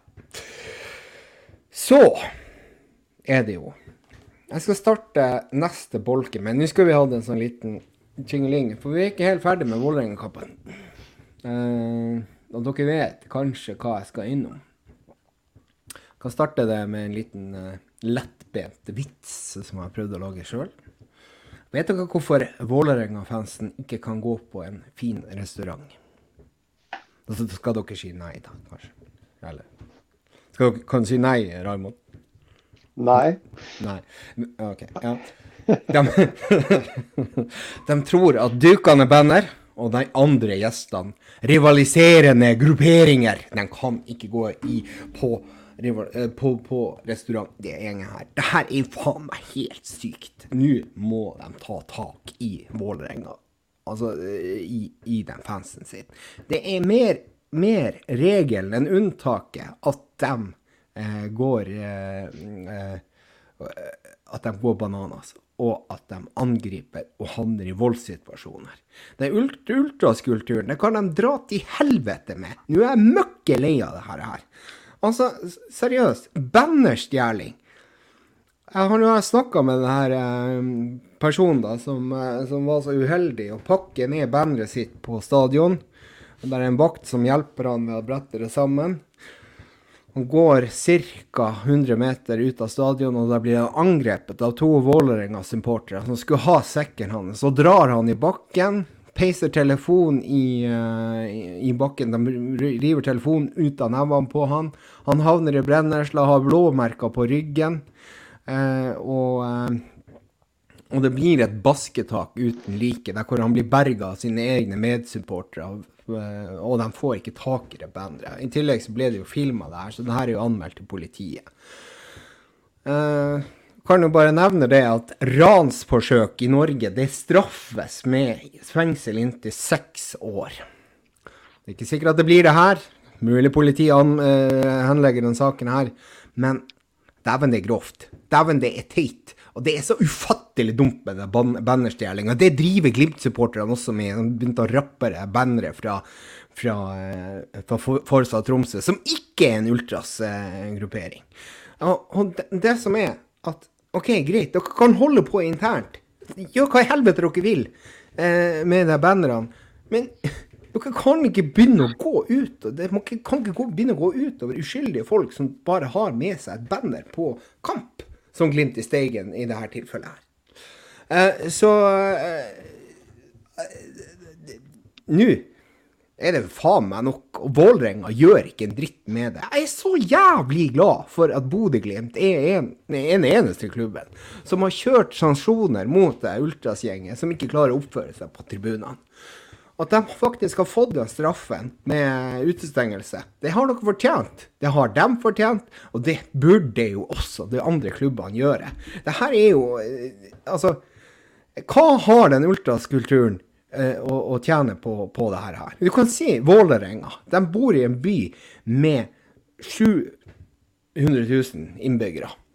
Det møter opp i eh, denne kampen her. møter, eh, altså Det er cupens tredje runde. Du kan kanskje ikke ta det som et, eh, som et solemerke, men det er 3100 stykk som møter opp. Det er 1000 Glimt-supportere, og det er 2100 da fra Oslo. I en vanlig seriekamp så ligger den på rundt 6500. Eh, og den klubben der skal jo ha så sinnssykt med kultur, og det skal liksom være den beste klubben på arrangement i hele Norge. Og de har Norges beste markedssjef. Selv om de spiller dårlig fotball, så er det helt skandaløst at den klubben i Oslo, og med den beste kulturen, som de sier, har 6500 eh, på en vanlig seriekamp. Da må man begynne å spørre seg har du som markedssjef i Oslo-klubben Vålerenga, har du tatt et feil valg når du tar og velger å stå ved siden av de her ultras-gjengen som driver og herjer vilt etter og før kamper, og under kamper, der hvor de kaster bluss på banen, brenner opp osv. Har, dere har dere tatt et feil valg her? Har, burde dere kanskje invitert eh, resten av Oslo på kamp? Og kanskje ta litt mer avstand fra det her voldsopplegget som eh, supporterne deres gjør. Supporterne, det, det, er jo de samme gjengene som i Bodø klager på politiet. Men ja. eh, det viser seg jo det at det, det, er jo helt legitimt at politiet er der. og når du da liksom, Som, som sagt, så er det sånn at jeg, jeg blir ikke provosert når jeg ser en politimann. Jeg blir betrygga. Men her er det jo sånn at det er åpenbart at folk som har stint på skogen, eh, kanskje har gjort noe galt. Eh, og Det viser seg det at de klarer ikke å oppføre seg. Det er sånn, det, det er jo, jeg håper jo en gang at de, de gjør det her mot noen som er verdensmester i kampsport, og gir de skikkelig grisebank og deng. Sånn at de havner på sykehus, at det er litt sånn at de får det bort. For det der det er så tåpelig. det er sånn, eh, Kan dere ta og reise til Øst-Europa og prøve det samme? Eh, men dere får jo dessverre ikke noe, eller heldigvis kan man si, noen europakamper. For det kommer til å gå 30 år til neste gang, sånn som Vålerenga spiller. Eh, ja. Stor, fin stadion. Eh, det var ingen folk der. Og så står de liksom ah, dårligste bortesupporterne som er der. Ja, men vet du hva, vi var faktisk der. Det var jo ingen av dere der. Eh, dere sto og noen og Det var jo nesten ingen folk. Eh, ta dere sammen. Det er bare Legg ned denne klubben. Det er bare å legge ned, som han Ivar Morten Nordmark sa. Ja, legg ned. Legg ned. IT-stadion der. Dere er liksom alt det Nei, det, det er faktisk helt eh, så sånn, ja, Dere kan begynne der å slåss med hverandre. Det er liksom, Start en fightklubb eller gjør noe sånt. Jævla idioter. Dere har ingenting på stadion å gjøre. Ja, men det, det, virker jo ikke som fotball er viktig her. Nei, det er. Hva så, du mener du om det her? Nei, du har ikke altså, sjekka stemninga hos deg? nei, eh, det er jo problematisk. For at hvordan hvordan skal du liksom for deres del klare å, å sikre at, eh, at, de andre er med på leken, hvis du skjønner? At Hvis det er bandestjeling, og så kommer det en sånn situasjon der det der, der du har noen som syns det er artig, og så er det noen som, som, ikke er med på det her i hele tatt. og Hvor det blir mm. et slags ransforsøk og, og liksom eh, ja, lettere vold ut av det. Jeg vet jo ikke nøyaktig hva som skjedde der, men, men uansett så er, er, det at det blir en sånn parallell kultur, og, klarer, og de blir på en måte ikke skilt ut. Det er ikke sånn at de møtes på et jorde, de som driver på med det her. Det, det går utover alle. Det går utover pensjonister. Det går ikke sant, sånn, bare å klatre opp i hagene deres og, og sånn Så det hadde vært enklere å akseptere hvis, det, hvis, de på en eller annen måte gjorde det sånn at uh, alle, alle, var enige om at det her skulle skje. Selv om, det, selv om det ikke hører hjemme i fotball da heller. Men det blir jo så jævlig mye verre når de når det går utover folk som ikke har bedt om det i hele tatt. De er og ser en fotballkamp og skjønner ikke bæret av hva som skjer. Plutselig så kommer det en løpende bak deg, og så smeller deg i bakken og skal ha sekken din. Eh, ja, ja, ja. Ikke sant? Altså, det her må vi jo eh, altså, du, Må du merke deg sjøl med noen ultras? Eh, er det, er, det, er det, sånn du må gjøre det i fremtida, for at ikke du skal bli utsatt for et ransforsøk? Fordi at det virker jo sånn at det er ultrasgjengen de legitimerer altså Det er helt greit, ikke sant, fordi at det var bannerstjeling. Men la oss si at det hadde vært en mobiltelefon oppi den der sekken, eller en PC. Da hadde det jo vært noe annet. ikke sant? For da hadde det vært et ransforsøk for å ta den uh, mobiltelefonen. Men nå blir det liksom akseptert i det ultrasmiljøet. Drit nå i det. Det var jo bare Ikke gå til politiet og anmelde, det er jo bare lek. Altså, det Ja, men det er faktisk- ikke lek hvis ikke begge er Ja. med på den. Det Nei, det ikke sant? Ja. Så Altså, Det er jo, og, og, og situasjonen er jo anmeldt, og den har jo fått eh, omtale både i TV 2 og Avisa Nordland. Så eh, det Jeg håper de blir tatt også sånn Jeg kan si til de Hvis det er noen voksne folk på jobb i Nei, det er ikke det. Eh, så er det sånn at hvis noen der, noen Glimt-supportere hadde gjort det samme og tydd til vold for å få tak i noen banner, så håper jeg at de blir anmeldt for vold. Ja, ja. Sånn at det er det sånn eh, 60 kamper utestengelse, så kan de sitte der og surke. og kan de møtes på et jorde på Lillestrøm og slåss? Jeg så det var noen som har lagt ut en film av det også. De gjør jo av og til det. liksom. Det er jo avtalt. Kan dere gjøre det? Reis til Lillestrøm og slåss med hverandre, eller Stavanger. Finn noen som er, er villig til å være med på den teite leken deres. Kan dere eh, blusse og slåss og være helt idiot? Det er Ja, liksom, altså, jeg tenker jo altså, Bluss i ræva og litt sånne ting, det kan jo være kjempegodt. ikke sant? Da, det, og, og, og, men, men her, det er sånne situasjoner, ikke sant. Du vet jo Jeg har, fått litt sånn info om det her fra, fra en som har vært med i miljøet i Vålerenga. Og, og der er internjustisen så knallhard at hvis du snakker da med politiet eller eventuelt media, så får du juling så det holder. Og, eh, og da, det, er liksom, altså det er en subkultur som er livsfarlig. ikke sant? Og når du begynner, faktisk begynner å si at begynner å legitimere ransforsøk, så, eh, eller ran, så, så er du jo inne, i et veldig farlig område der hvor du, du ikke klarer å se forskjell på rett og galt. Uh, og eh, uten å trekke veldig gode linjer, så har vi nå hatt uh, folk som har blitt fortalt ting over mange år og, uh, og gjør handlinger som får helt katastrofale konsekvenser for andre. Og det skjedde også i Oslo. Men allikevel, en subkultur som det der er farlig. Det er livsfarlig. Og du skal få unge folk også til å være med på det. Ikke sant? Og det, i en, i en sånn her tilfelle så, så er vold kan føre til ganske mye rart. Ja, nei, Altså, men ja. sånn, Jeg håper de en gang gjør det der med feil person. Altså, at de får smake sin egen medisin. At de får som grisebank. Ja, men de- de, kommer, de gjør jo det. Og, nå skal jo f.eks. Viking skal jo spille mot Sparta uh, Praha. Ikke det de skal? Det, Så da, da, lykke til der. eh. ja, nei, men det er sånn, eh, nok, nok om den saken der. Det, det er bare det er voksne folkene i Vålerenga. eh, Hvis det finnes noen, ta nå også skjerp dere. Det, her, det, det er så barnslig. Det blir, det blir sånn ja, Boksen går. og Finn, ta nå, finn på å gå et jorde og leke boksen går og slåss og stå og blusse. så er det sånn der.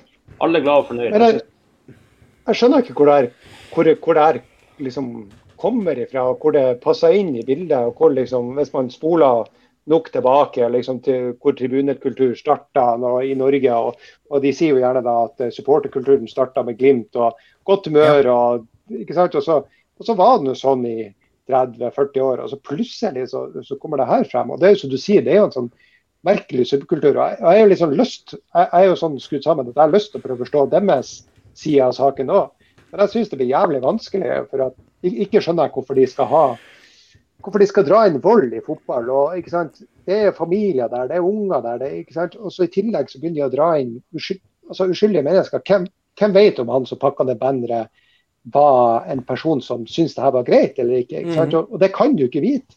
Så Det blir jo litt som at hvis vi hadde dratt til, til en by og skulle dra på guttetur på, til en by vi ikke, vi ikke kan så mye om da i utlandet, og så har vi blitt slått ned, og så har de bare sagt ja, men sånn, sånn er det nå bare her. ikke sant? Sånn leker vi her. Ja, Ja, sånn leker vi her på denne lekeplassen her. Så, Ja, ja, ja. Men det, og, og, og så er det litt sånn at uh, Vålerenga hadde vel kommet med en beklagelse til, um, til denne personen, da, den Glimt-supporteren. Uh, det var sikkerhetssjefen. Men jeg klarer ikke å se det, liksom, at, at de tar tak i det. Altså, den Markedssjefen deres har gått ut ganske mange ganger med ganske merkelige uttalelser i forhold til, i forhold til det som har skjedd eh, rundt omkring. Og da det, det er liksom støtte til det ultrasgjengen, ikke sant. Han ønsker å ta vare på dem. Og, eh, og det var liksom litt av den greia som jeg var innom på i sted. ikke sant, at Hva du tror hvis, hvis kanskje klubben Vålerenga hadde tatt litt mer avstand til sånne type hendelser, kanskje de hadde klart å fylle opp den stadion på en annen måte. Fordi at nå er det jo sånn at du, du kan liksom ikke I Oslo så blir det litt sånn sett ned på hvis du går med Vålerenga-utstyr, fordi da blir du oppfatta som en hooligans. Og det er jeg veldig glad for at Glimt har klart å ta avstand fra, som igjen. Jeg er stolt av Bodø-Glimt på akkurat det området. At de har null aksept for å bryte regler. Og eh, jeg var litt imot det i starten, hvor vi egentlig, egentlig ikke skjønte Jeg egentlig ikke skjønte hvor mye det her hadde å si.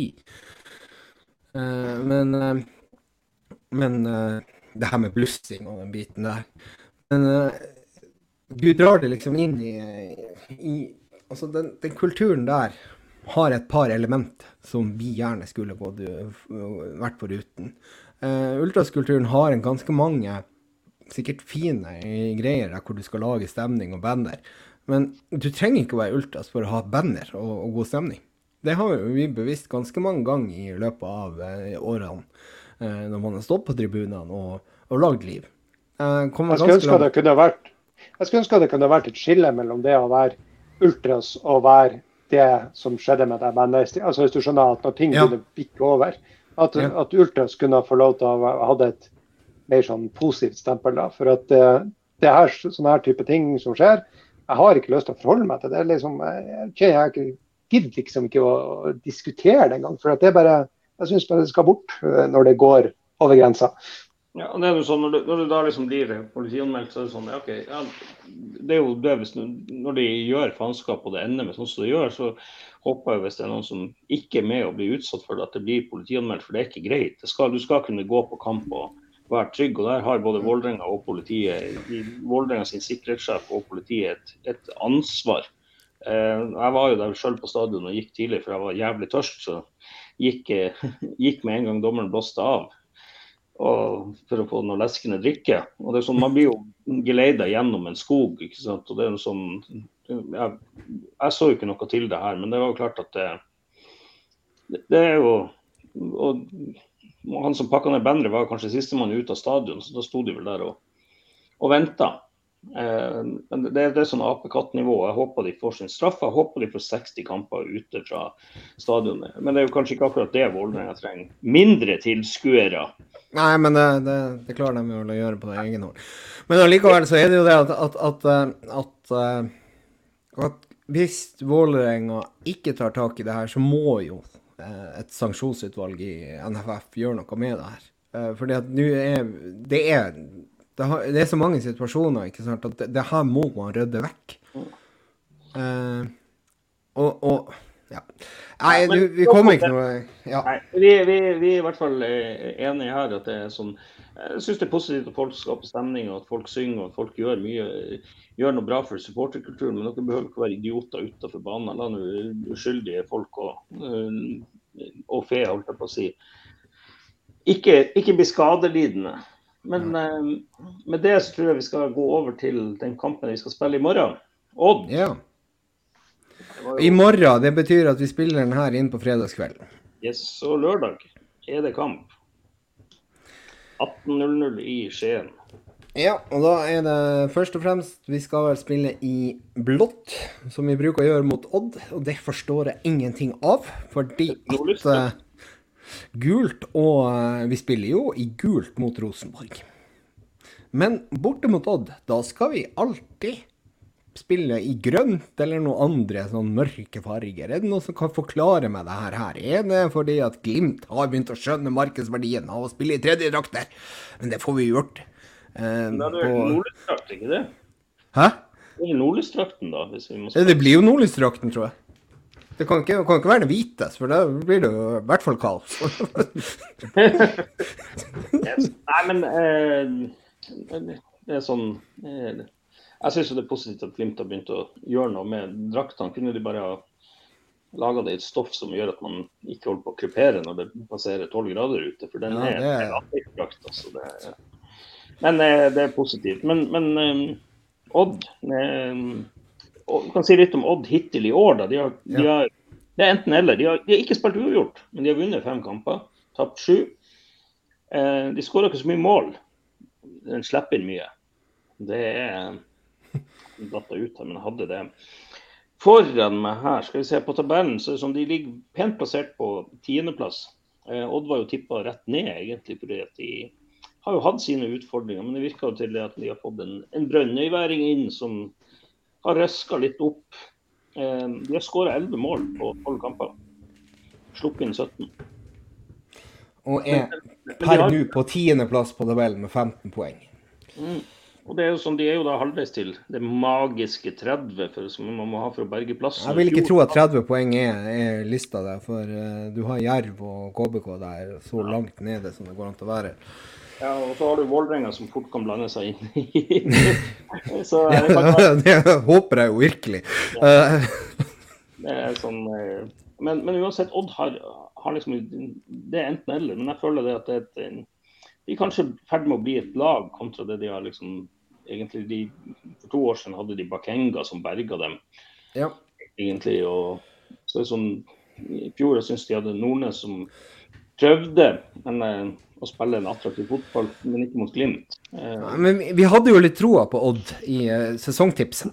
Uh, Pacoball eh, var vel det vi skulle kalle det for. Eh, og Tiki pa Paco, var det det? Jeg tror det var det.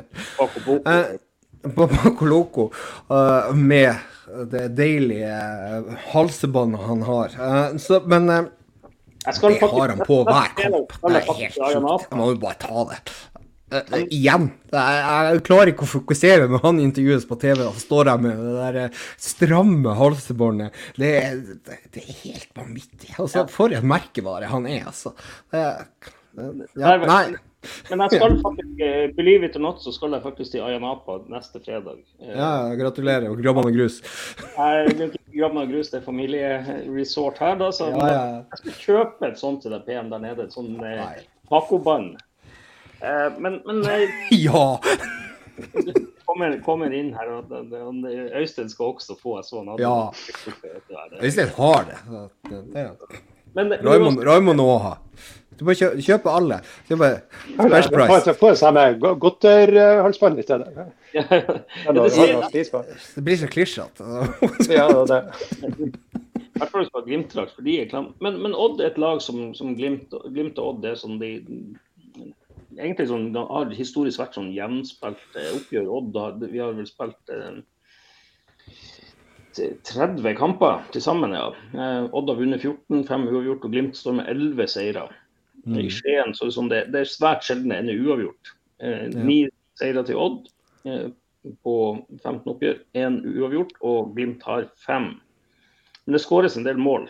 32-32 på det. Det betyr jo det at et målsnitt på, på røftlig 2-2. Um, så hva tror Ja. om kampen? Først med det, og så kan vi prøve litt på lagoppstilling, hva vi ønsker å se.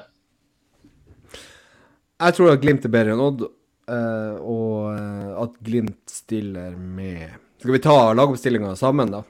Det, det blir jo eh, Kan ta Haiken i mål, det blir høyrebekken, Samsted, det blir Ja! Tror dere Mo spiller? Ja, det tror jeg. Ja. Eller skal vi spare han til Klaksvik? Skal vi spare noen til Klaksvik? Det er 90 hva, Jeg så det var noe foot i score som han hadde lagt ned footlakk, eller hva det var. Det var 96 99,6 eller noe sånt. Ja, ja, Ja. at vi når et gruppespill, men ja. Nei, men, nei, men jeg tror, jeg tror Mo, Mo starta. Mo Høybråten. Det, ja. og, Og så Bris på venstre, og så, så håper vi det at uh, det er noen som har vært på trening og kanskje Nei, det blir Hagen i midten. Hagen, Saltnes, Vettesen. Ja. Og fremmedene. Der er det sånn, Vi kan jo ikke starte med de tre som Nei, går ikke an. Starte med samme trio som mot Vålerenga. Jeg tror vi- ikke noen av dem starter. Nei, jeg, jeg, jeg tror egentlig ikke det heller. Hvis, eh, hvis han Pellegrino eh, halter såpass mye som du sa, så kan det være at Muka starter på venstre kanten. Og eh, jeg håper virkelig at Solbakken kan eh, få seg en start nå. Jeg tenker jo at det er et tegn at Muka ikke, ikke starta mot uh, VIF. Ja. Ja, det tror jeg er fordi at uh, han, han, prøver å rullere litt. Og, for det er jo så, I den posisjoneringa han har vært sånn, i forhold til startelverne Muka i det siste, så burde jo definitivt han starta mot VIF. Uh, når han ja. ikke gjør det, så tenker jeg at uh, Pellegrino er usikker, og at eh, de vil hvile Muka. Det tenker jeg. Ja, men hva, Tror du at Solbakken starter, da? Jeg tenker at sjansen er god for det. altså. Jeg, det, jeg tenker det samme som det ble sagt tidligere, at mm. uh, holder han 45, så holder han sikkert 60 òg. Og ja. han virker å være en ganske sånn lettrent fyr. Ja. Så jeg tror han Jeg tror kanskje han starter, ja. Det, det, tenker jeg. Nei, og, eh, og, vi stiller med vår beste spiss, og det er Ja, det er Boniface. Det er riktig, det. Så det Og jeg skal jo si det, jeg var jo lenge Espejord-tilhenger. Men kombinasjonen av Boniface har lært seg å bli bedre i presspillet, og at han Espejord har eh, ramla litt i formen. Eh, det gjør at eh, det er enkelt å velge Boniface. Ja, for der var det jo egentlig litt sånn at før sesongen så, så var det han Freddy Thoresen ja, som sa følgende Jeg tror han Vik... Nei, han Espejord er i vår ved seriestart 2023. Kanskje han får rett, da. At det tar såpass lang tid med Espejord. Skal... Ja. ja. Altså, han har jo ikke, Espejord har jo ikke vært i toppform siden ja, Jeg skulle til å si han var juniorspiller. Altså, det begynner å bli, ja, syns jeg. Han var... Ja. Det skal spilles litt Tromsø ut av han. Uh, så uh, uh, det, men, men altså, så er det jo det at, at Boniface starter jo ikke mot Vålerenga fordi at Jeg er helt overbevist om det, fordi at han skal spille mot Odd. Og, og da vinner vi. Ja, jeg tror, jeg tror vi vinner. Jeg, jeg, tror det blir eh, jeg, jeg tror faktisk ikke Pelle starter. Så mye halter han faktisk. Ja, eh, ok. Ergo så blir det da Eh, Muka, Boniface og Solbakken. Og så går Solbakken av etter 60, 65. Og hvem som kommer inn da? Hva? Nei, Konsum? Ja, det Sørli eller Komson, Det, er noe hipp som happ. Nei, ikke Sørli. Dessverre. Unnskyld, Sondre. Ja. Nei, men, men, men, eh, så er det jo sånn at eh, jeg tror også dette kan være en kamp der Boniface får rive og slite litt. Det er meldt 22 grader og sol. Varmt nede i Skien der. Um, og klart, jeg syns Espejord var frisk i innhoppet her mot Ålesund. Mm. Nei, det var KBK, mener jeg. Var vel. Han hoppa inn. Så blanda jeg de der to vest vestlandslagene. Jeg kom inn og burde ha satt et mål. Um, og det at han da kan komme inn hvis at vi, vi står og stanger litt og Boniface har gitt såpass mye juling. Så kanskje det kan være en rolle som passer han bra i denne kampen. Um, men, men, jeg tror vi vinner. Som sagt, jeg tror ikke det er en uavgjort. Jeg, tror, og, og håper Odd er interessert i å spille fotball. Jeg tror jo at uh, Muka og Boniface de har jo visst at de har, et, uh, de har en god relasjon.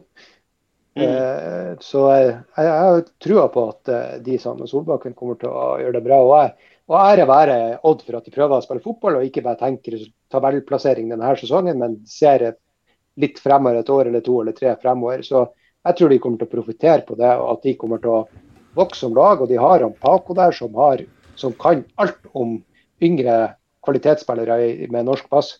Det vet jo han alt om. Så jeg tror det Odd kommer til å bli bra, kanskje allerede i, i høst. Men akkurat nå så tror jeg deres forsøk på utvikling kommer til å føle Altså, jeg, jeg tipper 5-0 til, til Jeg tenkte å si 3-1, men uh, OK. Jeg sitter jo og ser litt på Odd. Den spilte jo også uh, cup. Uh, er det riktig, det her? Jeg spilte 2-3 mot Flekkerøy. Var det nå på onsdag, det? Kan det stemme, det?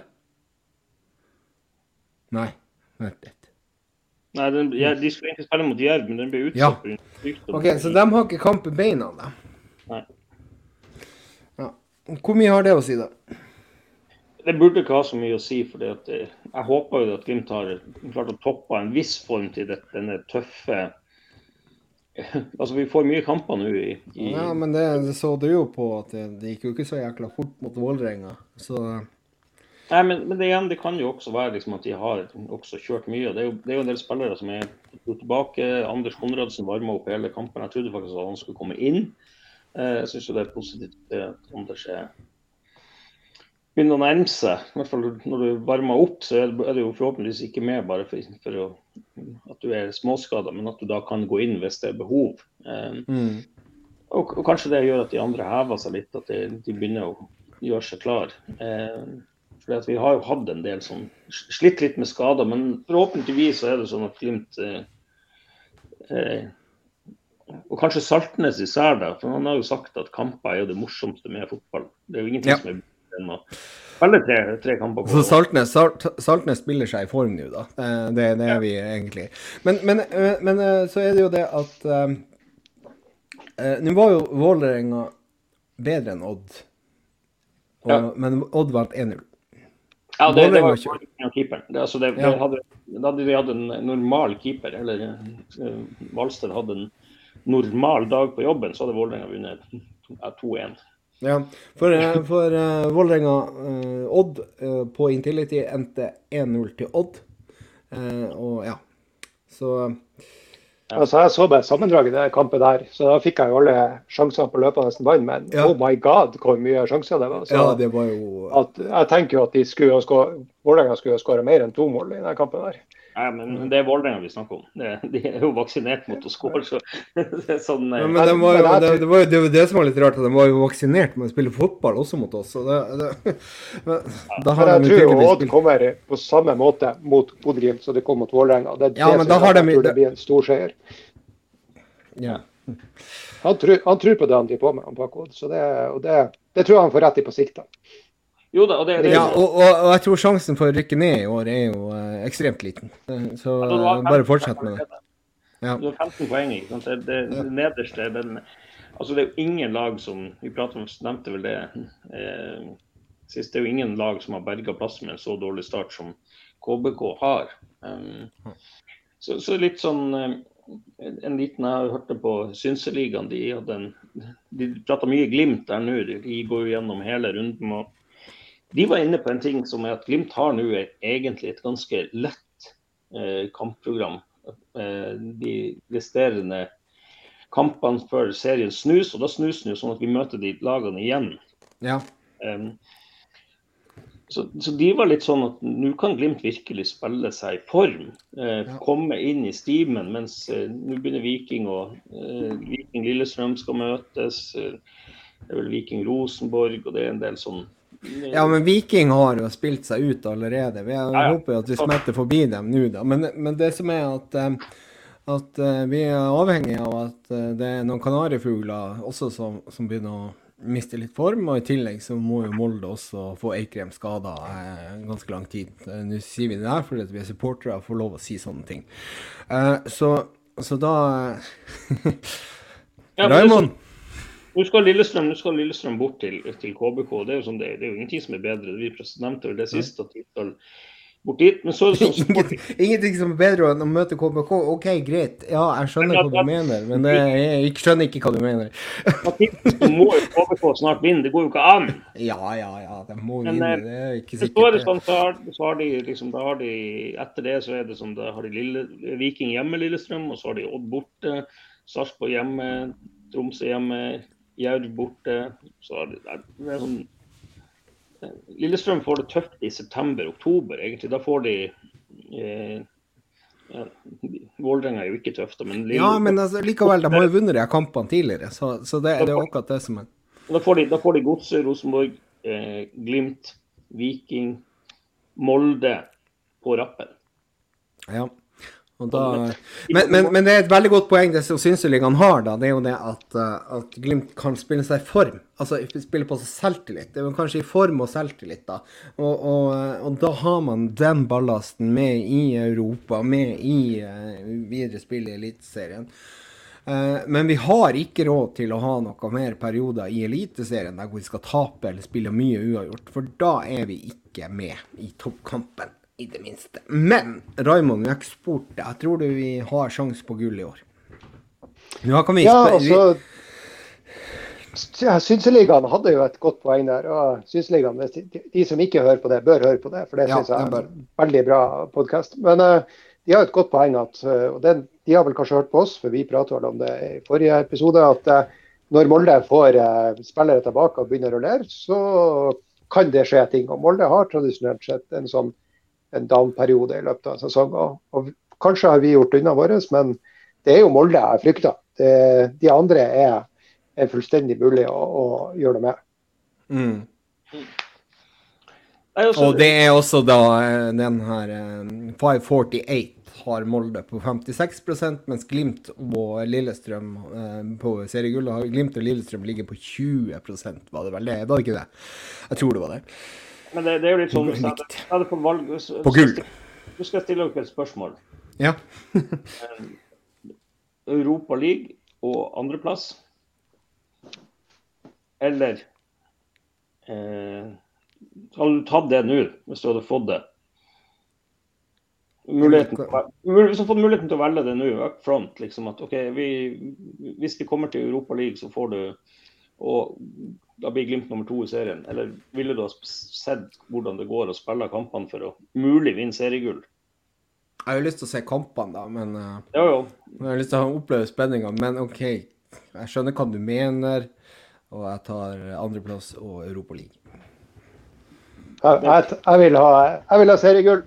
Det er titlene, Ja, det er titlene som står igjen på eh, titlene står igjen på papiret i historien, og det, er, og det gir nye muligheter neste år. Jeg vil ha penger Større, òg. større muligheter. Jeg vil ha masse penger. det, det, penger. det er det er ellevilt, ikke sant. Også, å, ta, å ta tre på, på rappen, det, det statistisk er jo det ekstremt vanskelig. Så det, det er litt sånn eh, Jeg tror vi skal Altså andreplass og en eh, europaliga-gruppespill, det, det vil være å overgå egentlig mye. Men, men samtidig, jeg syns Glimt har falt en del i år. Men det kan jo være som sagt at vi nå virker til å ha funnet en form på form og vunnet tre på rad og kan få kanskje en fjerde på rad nå mot, mot Odd, og så det er Klaksvik. og så er det sånn, Har vi et lett program, så det er jo ingenting som er bedre enn å ta et seriegull. Men uh, seriegull og Conference League, da, hvis du skal si det sånn? Ja, det har jeg tatt lett. Altså, ik- altså Conference League, fordi at der har man faktisk en, en reell mulighet til å utrette noe veldig bra sportslig. Det visste jo Glimt. Men nå blir jeg ligge og tenke på det her hele natta, at jeg svarte på det spørsmålet. Jeg vil ikke ha sånne spørsmål igjen. Nei, men så, så Europa Jeg League, frabedt. Champions League, jeg så Glimt de fikk 8 millioner for euro, pluss TV-penger da, for, for sin innsats i Conference League. Malmö, som var i gruppespill, og det jeg vet ikke, jeg tror ikke de vant noen kamper, de fikk 19 millioner euro pluss TV-penger. Altså, det, det, det er jo kan tenke deg Hvis Glimt hadde fått to årsbudsjett bare kasta over seg for å komme seg til, Champions League og tape alle kampene. Og bygge stadion. Ja, det, det er jo sånn Hvis du får det Det, det, det, er sånn eh, han, han med navn Per og verst etternavn. Det det, vi er jo på det nivået.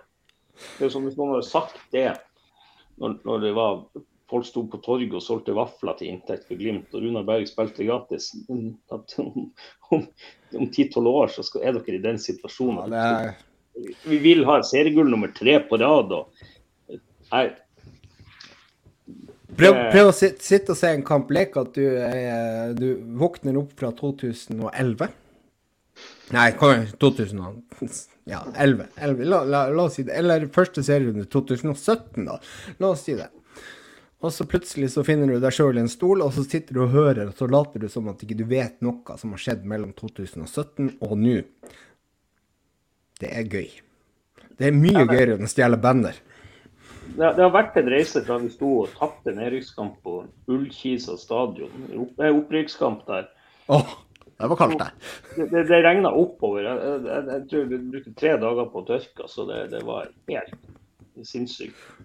Og til nå vi skal liksom Ja, nå møter vi Klaksvik. Vi går Champions Patty gjennom kvalifiseringa, og det er så 90 hva var det, 99,6% sjanse for å nå et gruppespill i Europa. Og vi har fortsatt heng på eh, og muligheten til å ta et tredje seriegull. Det, det, det Ja. er jo litt Men, men hvis vi fokuserer litt på Molde, da, så er vi altså da seks poeng bak Molde med like mange kamper spilt. Eh, hvordan var ståa på det på det her tidspunktet i fjor? Jeg husker jo at det var, vi var noen Nei, men bak og- det, det der er litt sånn, ikke sant. Vi har lagt ut den der eh, tabellen eh, på Twitter eh, og andre steder, kanskje, eh, der hvor det er spilt elleve serierunder. Men det var de opprinnelige runder, sånn som de var satt opp. Og så har jo Glimt da ligget foran på antall kamper. Så det, den er misvisende, den tabellen som vi hadde etter elleve serierunder. Men vi lå på det meste lå vi åtte poeng bak Molde, mener jeg å huske. Eh, og det er jo snakk om i den perioden da hvor vi eh, Jeg tror vi snakker i begynnelsen av august. Jeg, er stemmer det? For det er veldig vanskelig å, å få å, å bla tilbake igjen eh, til eh, Jeg vet ikke hvor du kan gjøre det på internett, men jeg tror du kan gjøre det et eller annet sted. Uh, men da er det sånn at, at uh, Jeg tror det var åtte poeng. Jeg tror det er det som har vært snakk om, at vi var åtte poeng bak Molde. Med like antall kamper spilt. Uh, og så tok vi dem igjen. Så begynte jo dem å tape en del. Og da var Eikrem borte. Eller han, var, han klarte ikke å spille så mye.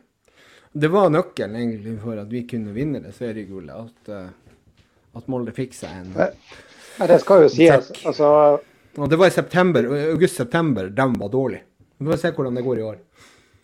men det er jo sånn at uh, i år vil jeg jo si at Molde er et bedre lag enn hva Glimt er. Uh, ikke med så stor margin, kanskje, men uh, sånne, når man snakker bredde på stall og kvalitet de, de har levert, og sånn, så, så per nå så, så vil jeg vel egentlig være realistisk og tenke andreplass. Og Ja, men- jeg tror kanskje vi skal være fornøyd med det òg. Det er nå litt sånn at Molde, eh, det har de i alle år, eh, i hvert fall nå når vi har kjempa mot dem, så har de hatt en del flaks. Eh, De vinner ikke overbevisende seire i, nå i, i, i tippeligarundene i år heller. De vinner 2-1 ikke sant, og sånne ting. Jeg, jeg har nå, altså, det er litt sånn irriterende at de avgjør også på slutten. Eh, og Det er jo kvalitetstegn, da, men de er ikke så jækla gode. Uh, nå skal jeg se litt på resultatene deres. Se, ja. Eh, herregud, det er så mye piss på det. AdWords og hva i svarte det er. Ta og Snakk litt, så skal jeg finne resultatene deres. Så skal vi eh, Nei, men, Det blir jo veldig Så er det det, Ja. Molde virker jo til å ha en plan og at det skjer ting på spillerlogistikken der. Og det er klart, eh, jeg, mener jo det at de, de solgte seg veldig mye svakere i fjor. Eh, Ja. det er klart, eh, hva skjer der? Det, det, det, det kan skje mye i det her vinduet eh, som kommer. Ja. Eh, Ja, det der er, det er Molde er på jakt etter en spiss, og de skal jo ha Ja, de har vel han eh, gamle stor, storhelten Fofana, var det? Nei, nei, nei, Nei, han, jeg- eh, hva han heter fra? En, en av de her Jo, Sigurd Jons Ja, islendingen. Bjørn Bergman nei, nei. Nei? nei, nei det var en av de her han, var, Jeg tror afrikansk opprinnelse, eller hva det var. Som, Ja, det er for faen ei- Ja, var det det? Ja, men han er, ikke, han er jo bare han er jo unggutt. Hvis det er han du tenker på. Nei, det er ikke han jeg tenker på. Det, det var her var snakk om de hadde spotta en i Molde, en tidligere spisshelt, uh, som uh, Han er Ah. samboer med ei fra Molde, og det var snakk om at Det er en av de pappa, pappa og mamma Dioff. Det, det var nå en av de, ja. Ja, ja, ja, OK, greit. Husker- Skal de husker ha han ikke tilbake igjen? Ja, det var snakk om Husker hvor jeg hørte det, men det var en Ja, ja, kilde. stemmer det. Det Eh, har jeg var- hørt. Helt han var jævlig over- bakerst. var på 32, 33, 34 33, tror jeg da. Ja.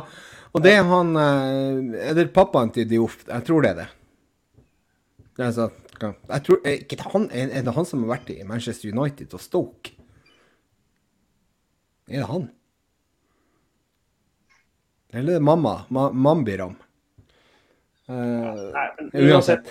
Er sånn, Men, det- men hvis, hvis vi ser på resultatene til Molde, så, så holdt de jo på å miste poeng mot Odd. De vant 1-2 borte. Eh, eller 1-2-1 borte. De eh, slår også bare Sarpsborg 2-1. Eh, de slår Kristiansund bare 2-1. Eh, de eh, slår oss 3-1 da, og det å vinne fortjent, veldig fortjent, den kampen der. Og så har de jo tapt mot Viking, da. Eh, så, altså, så slo de Odd 3-0, da. Men det er 2-1, 2-1, 2-1, og jeg syns de har litt flaks i de her kampene sine. Og det gjenspeiler jo ikke altså Nå har jo jeg ikke sett en hel Molde-kamp utenom den kampen mot Glimt, da. Men det er, det er liksom sånn at de, de har Mame Biram Diop. Ja, Mame Biram. Jeg tror det er han som var i Manchester United. Da. Kan det stemme, det? Ja, det kan vel stemme greit, det. Mame Biram Diop. Han gikk vel til Stoke, hva kan det etterpå? Ja, jeg tror han var i Stoke òg. Men, men Det er jo ikke bra. Det kan skje ting der, ikke sant. Også, men så, så har det jo Brynildsen har vært ute nå. Erik Ulland Andersen er ute resten av sesongen.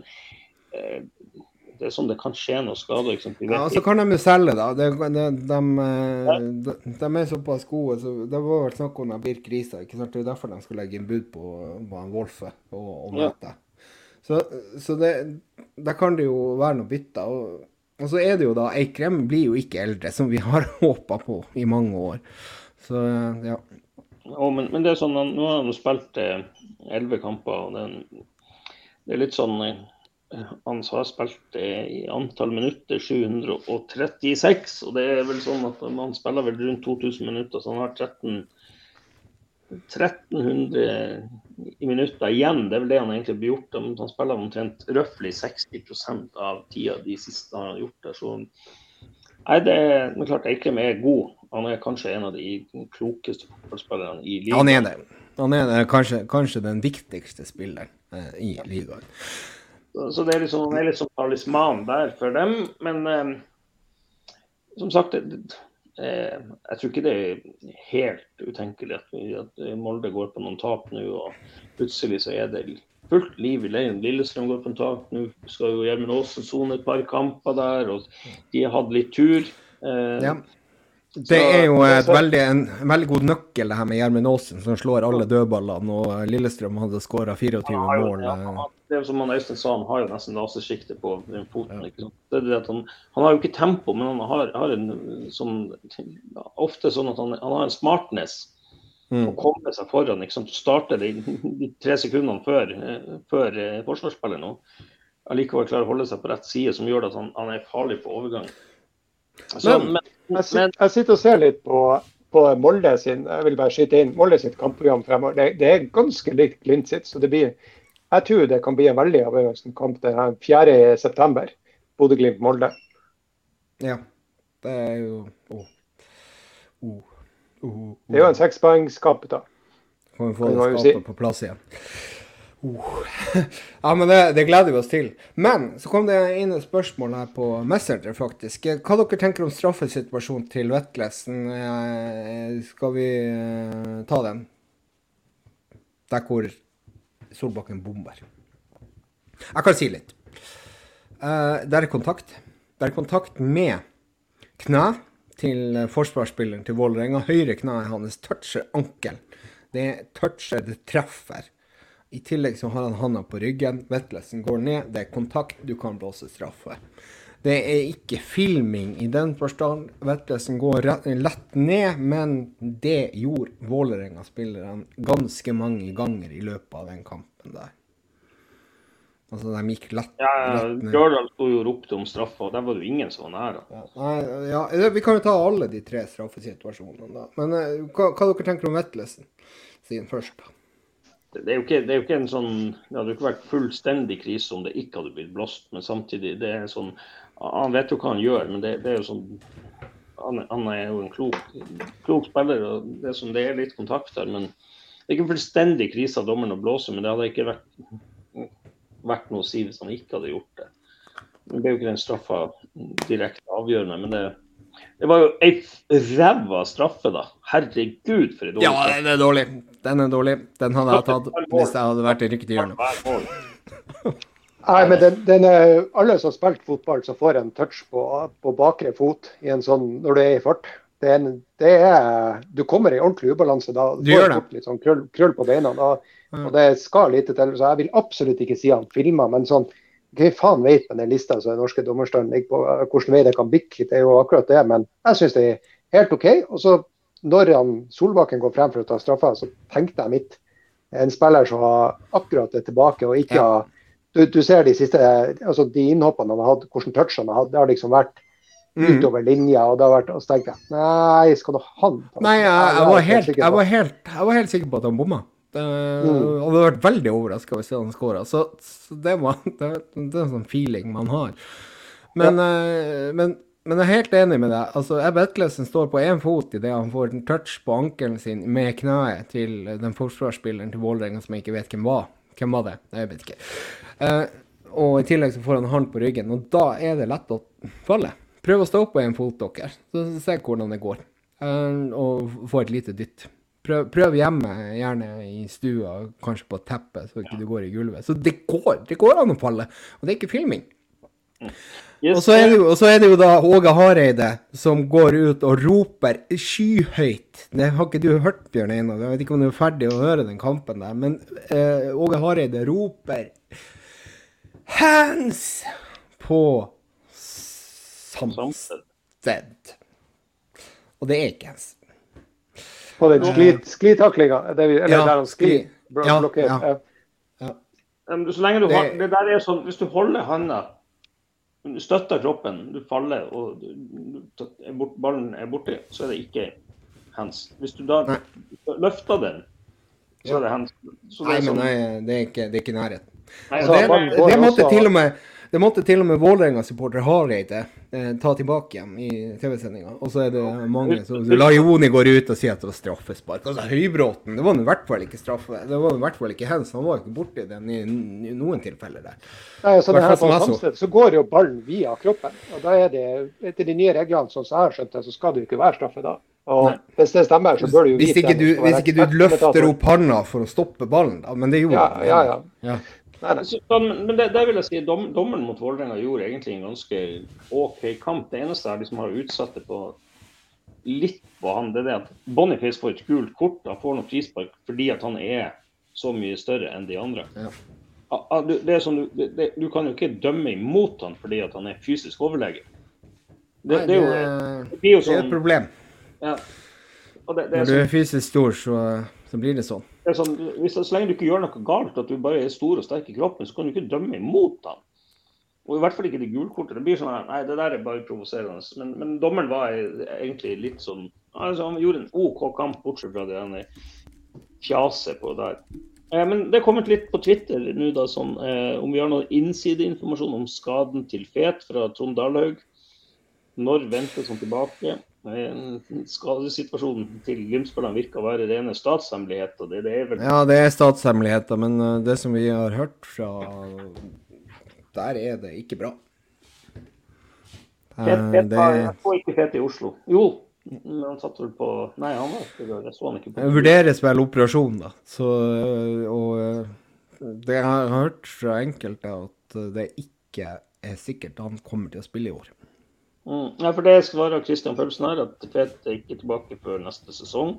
Mm. Og ja, det er vanskelig å få info om Bodø-Glimt-spillere enn å få info fra Pentagon, skriver han. Ja da, det er det. Men det der tror jeg jo Glimt har blitt bevisst på. da, at mm. sånn i forhold til en konkurransesituasjon, særlig i Europa, hvor de, hvor de blir eh, altså Er det en spiller som er, har et, en dårlig ankel, så blir han sparka på i Europa på den ankelen. Ja, ja. Eh, ja, så det, Ja, han gjør det. Jeg, skjønner, jeg, skjønner, litt at de profesjonaliserer det, selv om det er jævlig frustrerende. og det, vil, det vil jo i hvert fall en vikingspiller gjøre, så da, da, da, Mm. da har du den. Men eh, Henrik, en til en, Ja. Det, det er godt å se at Mbamgomo har fått tilbake følelsen i beina. Ja, for det var eh, ja, han har det. Gutmann hadde, hadde to venstreføtter en stund. sånn som- ikke var brukende. Ja, OK. Ja, mm, han, veldig han, han føler jo at Hagen har motsatt kurve, det har vi jo egentlig prata litt om. om men bør Glimt prioritere forsterkning? Og der er det har vel også vært en, en interesse for en danske. Ja, men han var venstre ving, og han er ikke vi eh, i nærheten av å få kjøpe. Stig Inge Ja, ja. Bjørneby har sagt nei. Så vi skal jo kjøpe Vi vi ser til Danmark, vi har jo hatt noen danskere som Ja, men vi må finne noen annen danske enn han, tydeligvis. Der Jeg har litt lyst til å spørre dere, hvorfor eh, spiller ikke Vetti mer? enn hva det Er er det noen som vet det? Er det noe manglende treningsgrunnlag? Ja, Jeg tror, jeg tror Ja, det er det som kanskje er årsaken. Men, Men Han har jo vært eh, litt Han var jo litt mer på tur inn i varmen, og så ja, han har han vært på tur ut igjen nå. Jeg tror han hadde kunnet utrette mer. kjenninger litt rundt omkring der også, liksom litt vondt av det. Vi skal jo huske det at eh, Vetti har vært han- er jo et vanvittig fotballtalent, og det er mye fotball i han, og det visste han. Jeg synes jo den første kampen man fikk se Vetti mot Lillestrøm, at da så du at oi, dette var spennende. Men eh, det, det er vel kanskje for å matche han. Jeg syns det har vært spennende hver gang. Egentlig. Sånn, han, han I hvert har fall mer spennende enn Hagen. Ja, det, det som er forskjellen der, der vil jo jeg si det som det lille jeg har sett egentlig av Vetti, er det at han er mye raskere i ballbehandling. Mm. Han er, han er mye raskere til å liksom OK, eh, neste Ja, han klarer å dra av en mann i tillegg, eh, og han, eh, han virker mer sikker i forhold til både mottak og, og, og, og egentlig virker roligere på banen enn hva eh, Elias Altså roligere i forhold til at han ikke stresser når han mottar ballen. For Elias, etter at han har fått ballen, så stresser han i hvert fall ikke. Så da, da, da er det jo veldig rolig. Men, men hvis vi skal, hvis vi skal liksom, vi begynner å nærme oss to timer, så Ja, vi gjør det. hvis, vi skal, hvis vi skal si sånn om spillerlogistikk, så tar vi ikke noe om det i neste sånn episode, der det blir en sånn ren kampdags... Eh, Ja, vi, vi kan ikke det er gjenta hver Eh, jeg tror Glimt er på jakt etter en, en keeper, og det blir da en andre keeper egentlig til neste sesong. Om Ja. han kommer nå, eller om han kommer, eh, kommer i høst. Jeg tror ikke det står veldig høyt på lista, med mindre det dukker opp noen på som, som, som ikke Eller blir noen tilgjengelig, men der tror jeg nok de har følgere ute. Og så kan det være en liten joker inni der, og at du finner en jækla god keeper som eh, er bedre enn Faye Lund, og så plutselig må de selge Faye Lund. Ja, men Fa- Faye Lund er, han har, han har faktisk eh, Jeg sjekka statsen hans nå, han er vel 23 år og har spilt mye førstelagsfotball til å egentlig vært reservekeeper. Ja. Mjøndal, Så, Martin Mjøndalen. ja, Ola Ball. Ja, Mjøndalen han var ute litt i HamKam, og spilte spilt litt i Levanger. Tippa innen fire-fem år så Faye Lund eh, landslagskeeper. Ja. Ja. Og så Så stoppeplass, der, der er vi, har vi god dekning. Der har vi eh, tre jeg vil si, Brede Mo er definitivt den beste, men de to bak de er like gode. Og så har vi Isak eh, Amundsen som en nummer fire-stopper. Eh, vi har diskutert Og Kvile, da. Ja, Kvile og der. Vi må ha en, vi må ha en, eh, en venstreback. Eh, og det kan også være at det kommer noe på høyre, men vi har jo også en Morten Konradsen som egentlig er en litt som potet som kan brukes der. Eh, jeg vet ikke noe om skadesituasjonen der. Midtbane, jeg tror, liksom det, det, jeg tror ikke det er noe prioritet på sentral eller indreløperplass, egentlig. Nei, det- ikke, hvis ikke vi selger. ja, hvis ikke vi selger. Og, og så er det vinger. Der, der er det nok eh, på begge vingene. Så det som er spillere ut, jeg tror Får vi tak i to vinger, så kan fort både Sørli og Komson eh, Hvile er nok aktuell for et utlån. og Han går jo fortsatt på den, den utlånsordninga for unge spillere. Når han er, kragebeinet er grodd og han er klar igjen, litt, så kan det være aktuelt. Eh, og Lasse Nordås tror jeg også kanskje blir lånt ut. Ja, det vil jeg også tro. Men da er det også det at du setter i spill en ny spiss. Men en ting jeg har lyst til å spille, spille inn der, Ja. det er at eh, det her når, i forhold til det her med å registrere tropp til Europa, og at du bare får eh, fylt på med tre nye navn, er det i eh, februar, ja. Ja. eh, så må jo egentlig troppen for det neste året må egentlig settes i augustvinduet. Hvis, Ja. vi skal, hvis vi skal avansere og gjøre det bra i, i eh, Champions League. Eller, ikke, eller Europa League, eller Ja, whatever.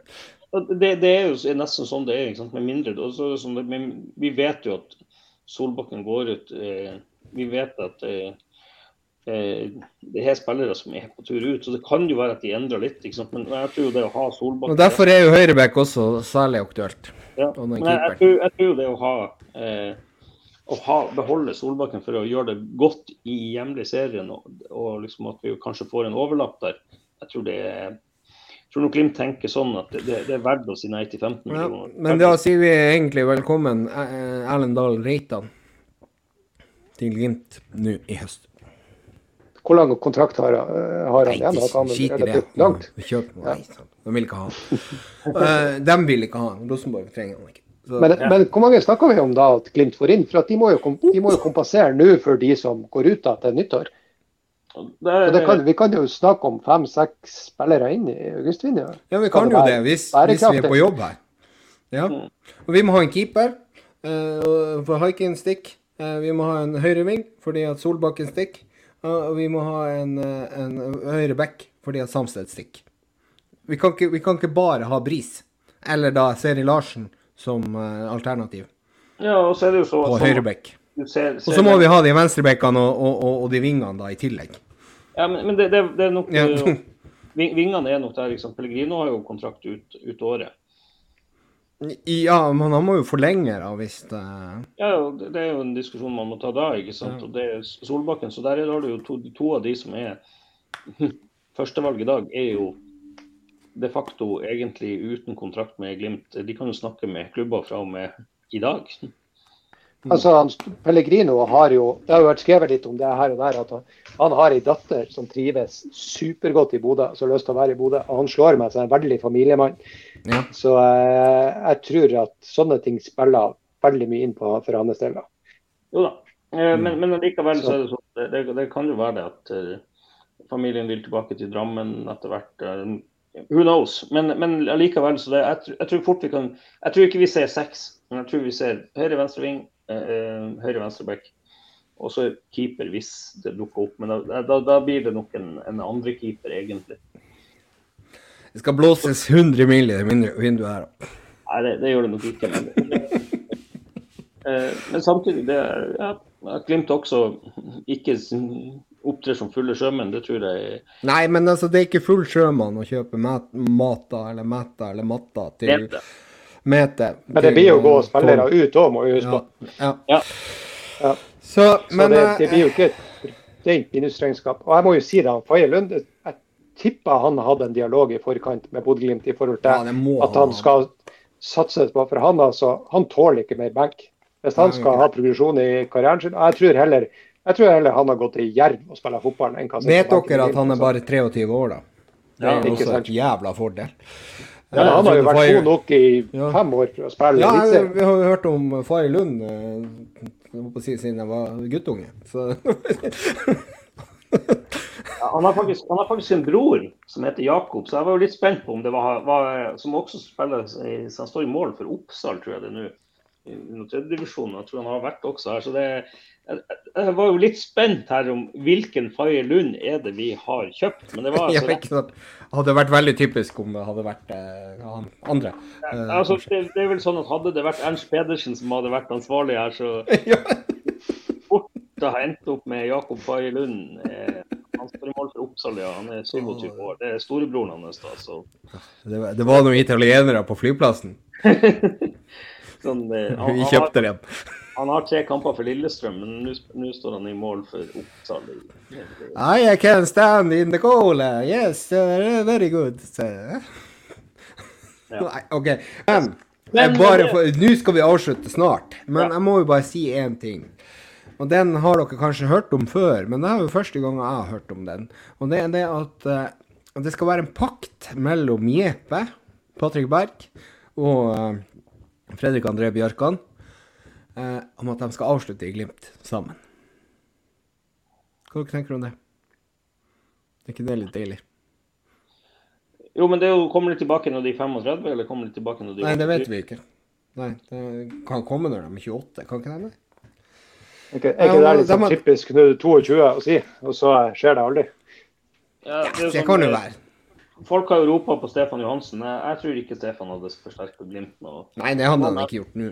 Jo, altså, han spiller jo bra i Queens Park Rangers. Han, Han hadde Han hadde, han hadde, Altså, han, han kunne hadde jo, vært bedre enn Hagen. eh, Ja, han kunne jo spille sentralen mitt. Så Ja, det, kjør på. Ja, kjør på.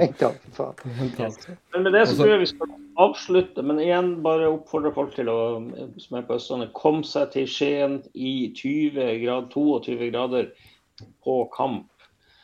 Eh, jeg skal ikke dit, så det blir TV-kamp for min Ni kroner. Ni kroner. Ni kroner, og russebussen, dansegledebussen, stiller opp. Eh, dette ble en veldig lang episode. Det var, Ja, igjen. Men eh, det er fordi at Det er sånn, Han har sittet på Sunnmøre her og spunnet nå i tre dager fordi at han ikke har fått snakka. Nå, Vi andre har vært litt opptatt, men vi kommer sterkt Litt tilbake. opptatt Dere har vært dritings. Så Sånn er det. Det er- var deilig å slå Vålerenga. Vi er i hvert fall best på banen, men eh, ja, vi er vanlig best utenfor banen òg. Vi, vi behøver ikke å stjele banner. Vi støtter laget. Det er derfor vi er der. Så Vålerenga, ta dere en bolle, legg ned, rykk ned. Drittklubb. Eh, Nå, Eirik, klokka er 23.23. Eirik J. Mikkelborg. Legger dere eh, episoden ut i kveld? Ja, det gjør vi. Så den er nok ute om klokka før midnatt, håper vi. Ja. Og det med det, gjenstår det bare å si på gjenhør og heia Glimt. Har du takka sponsorene?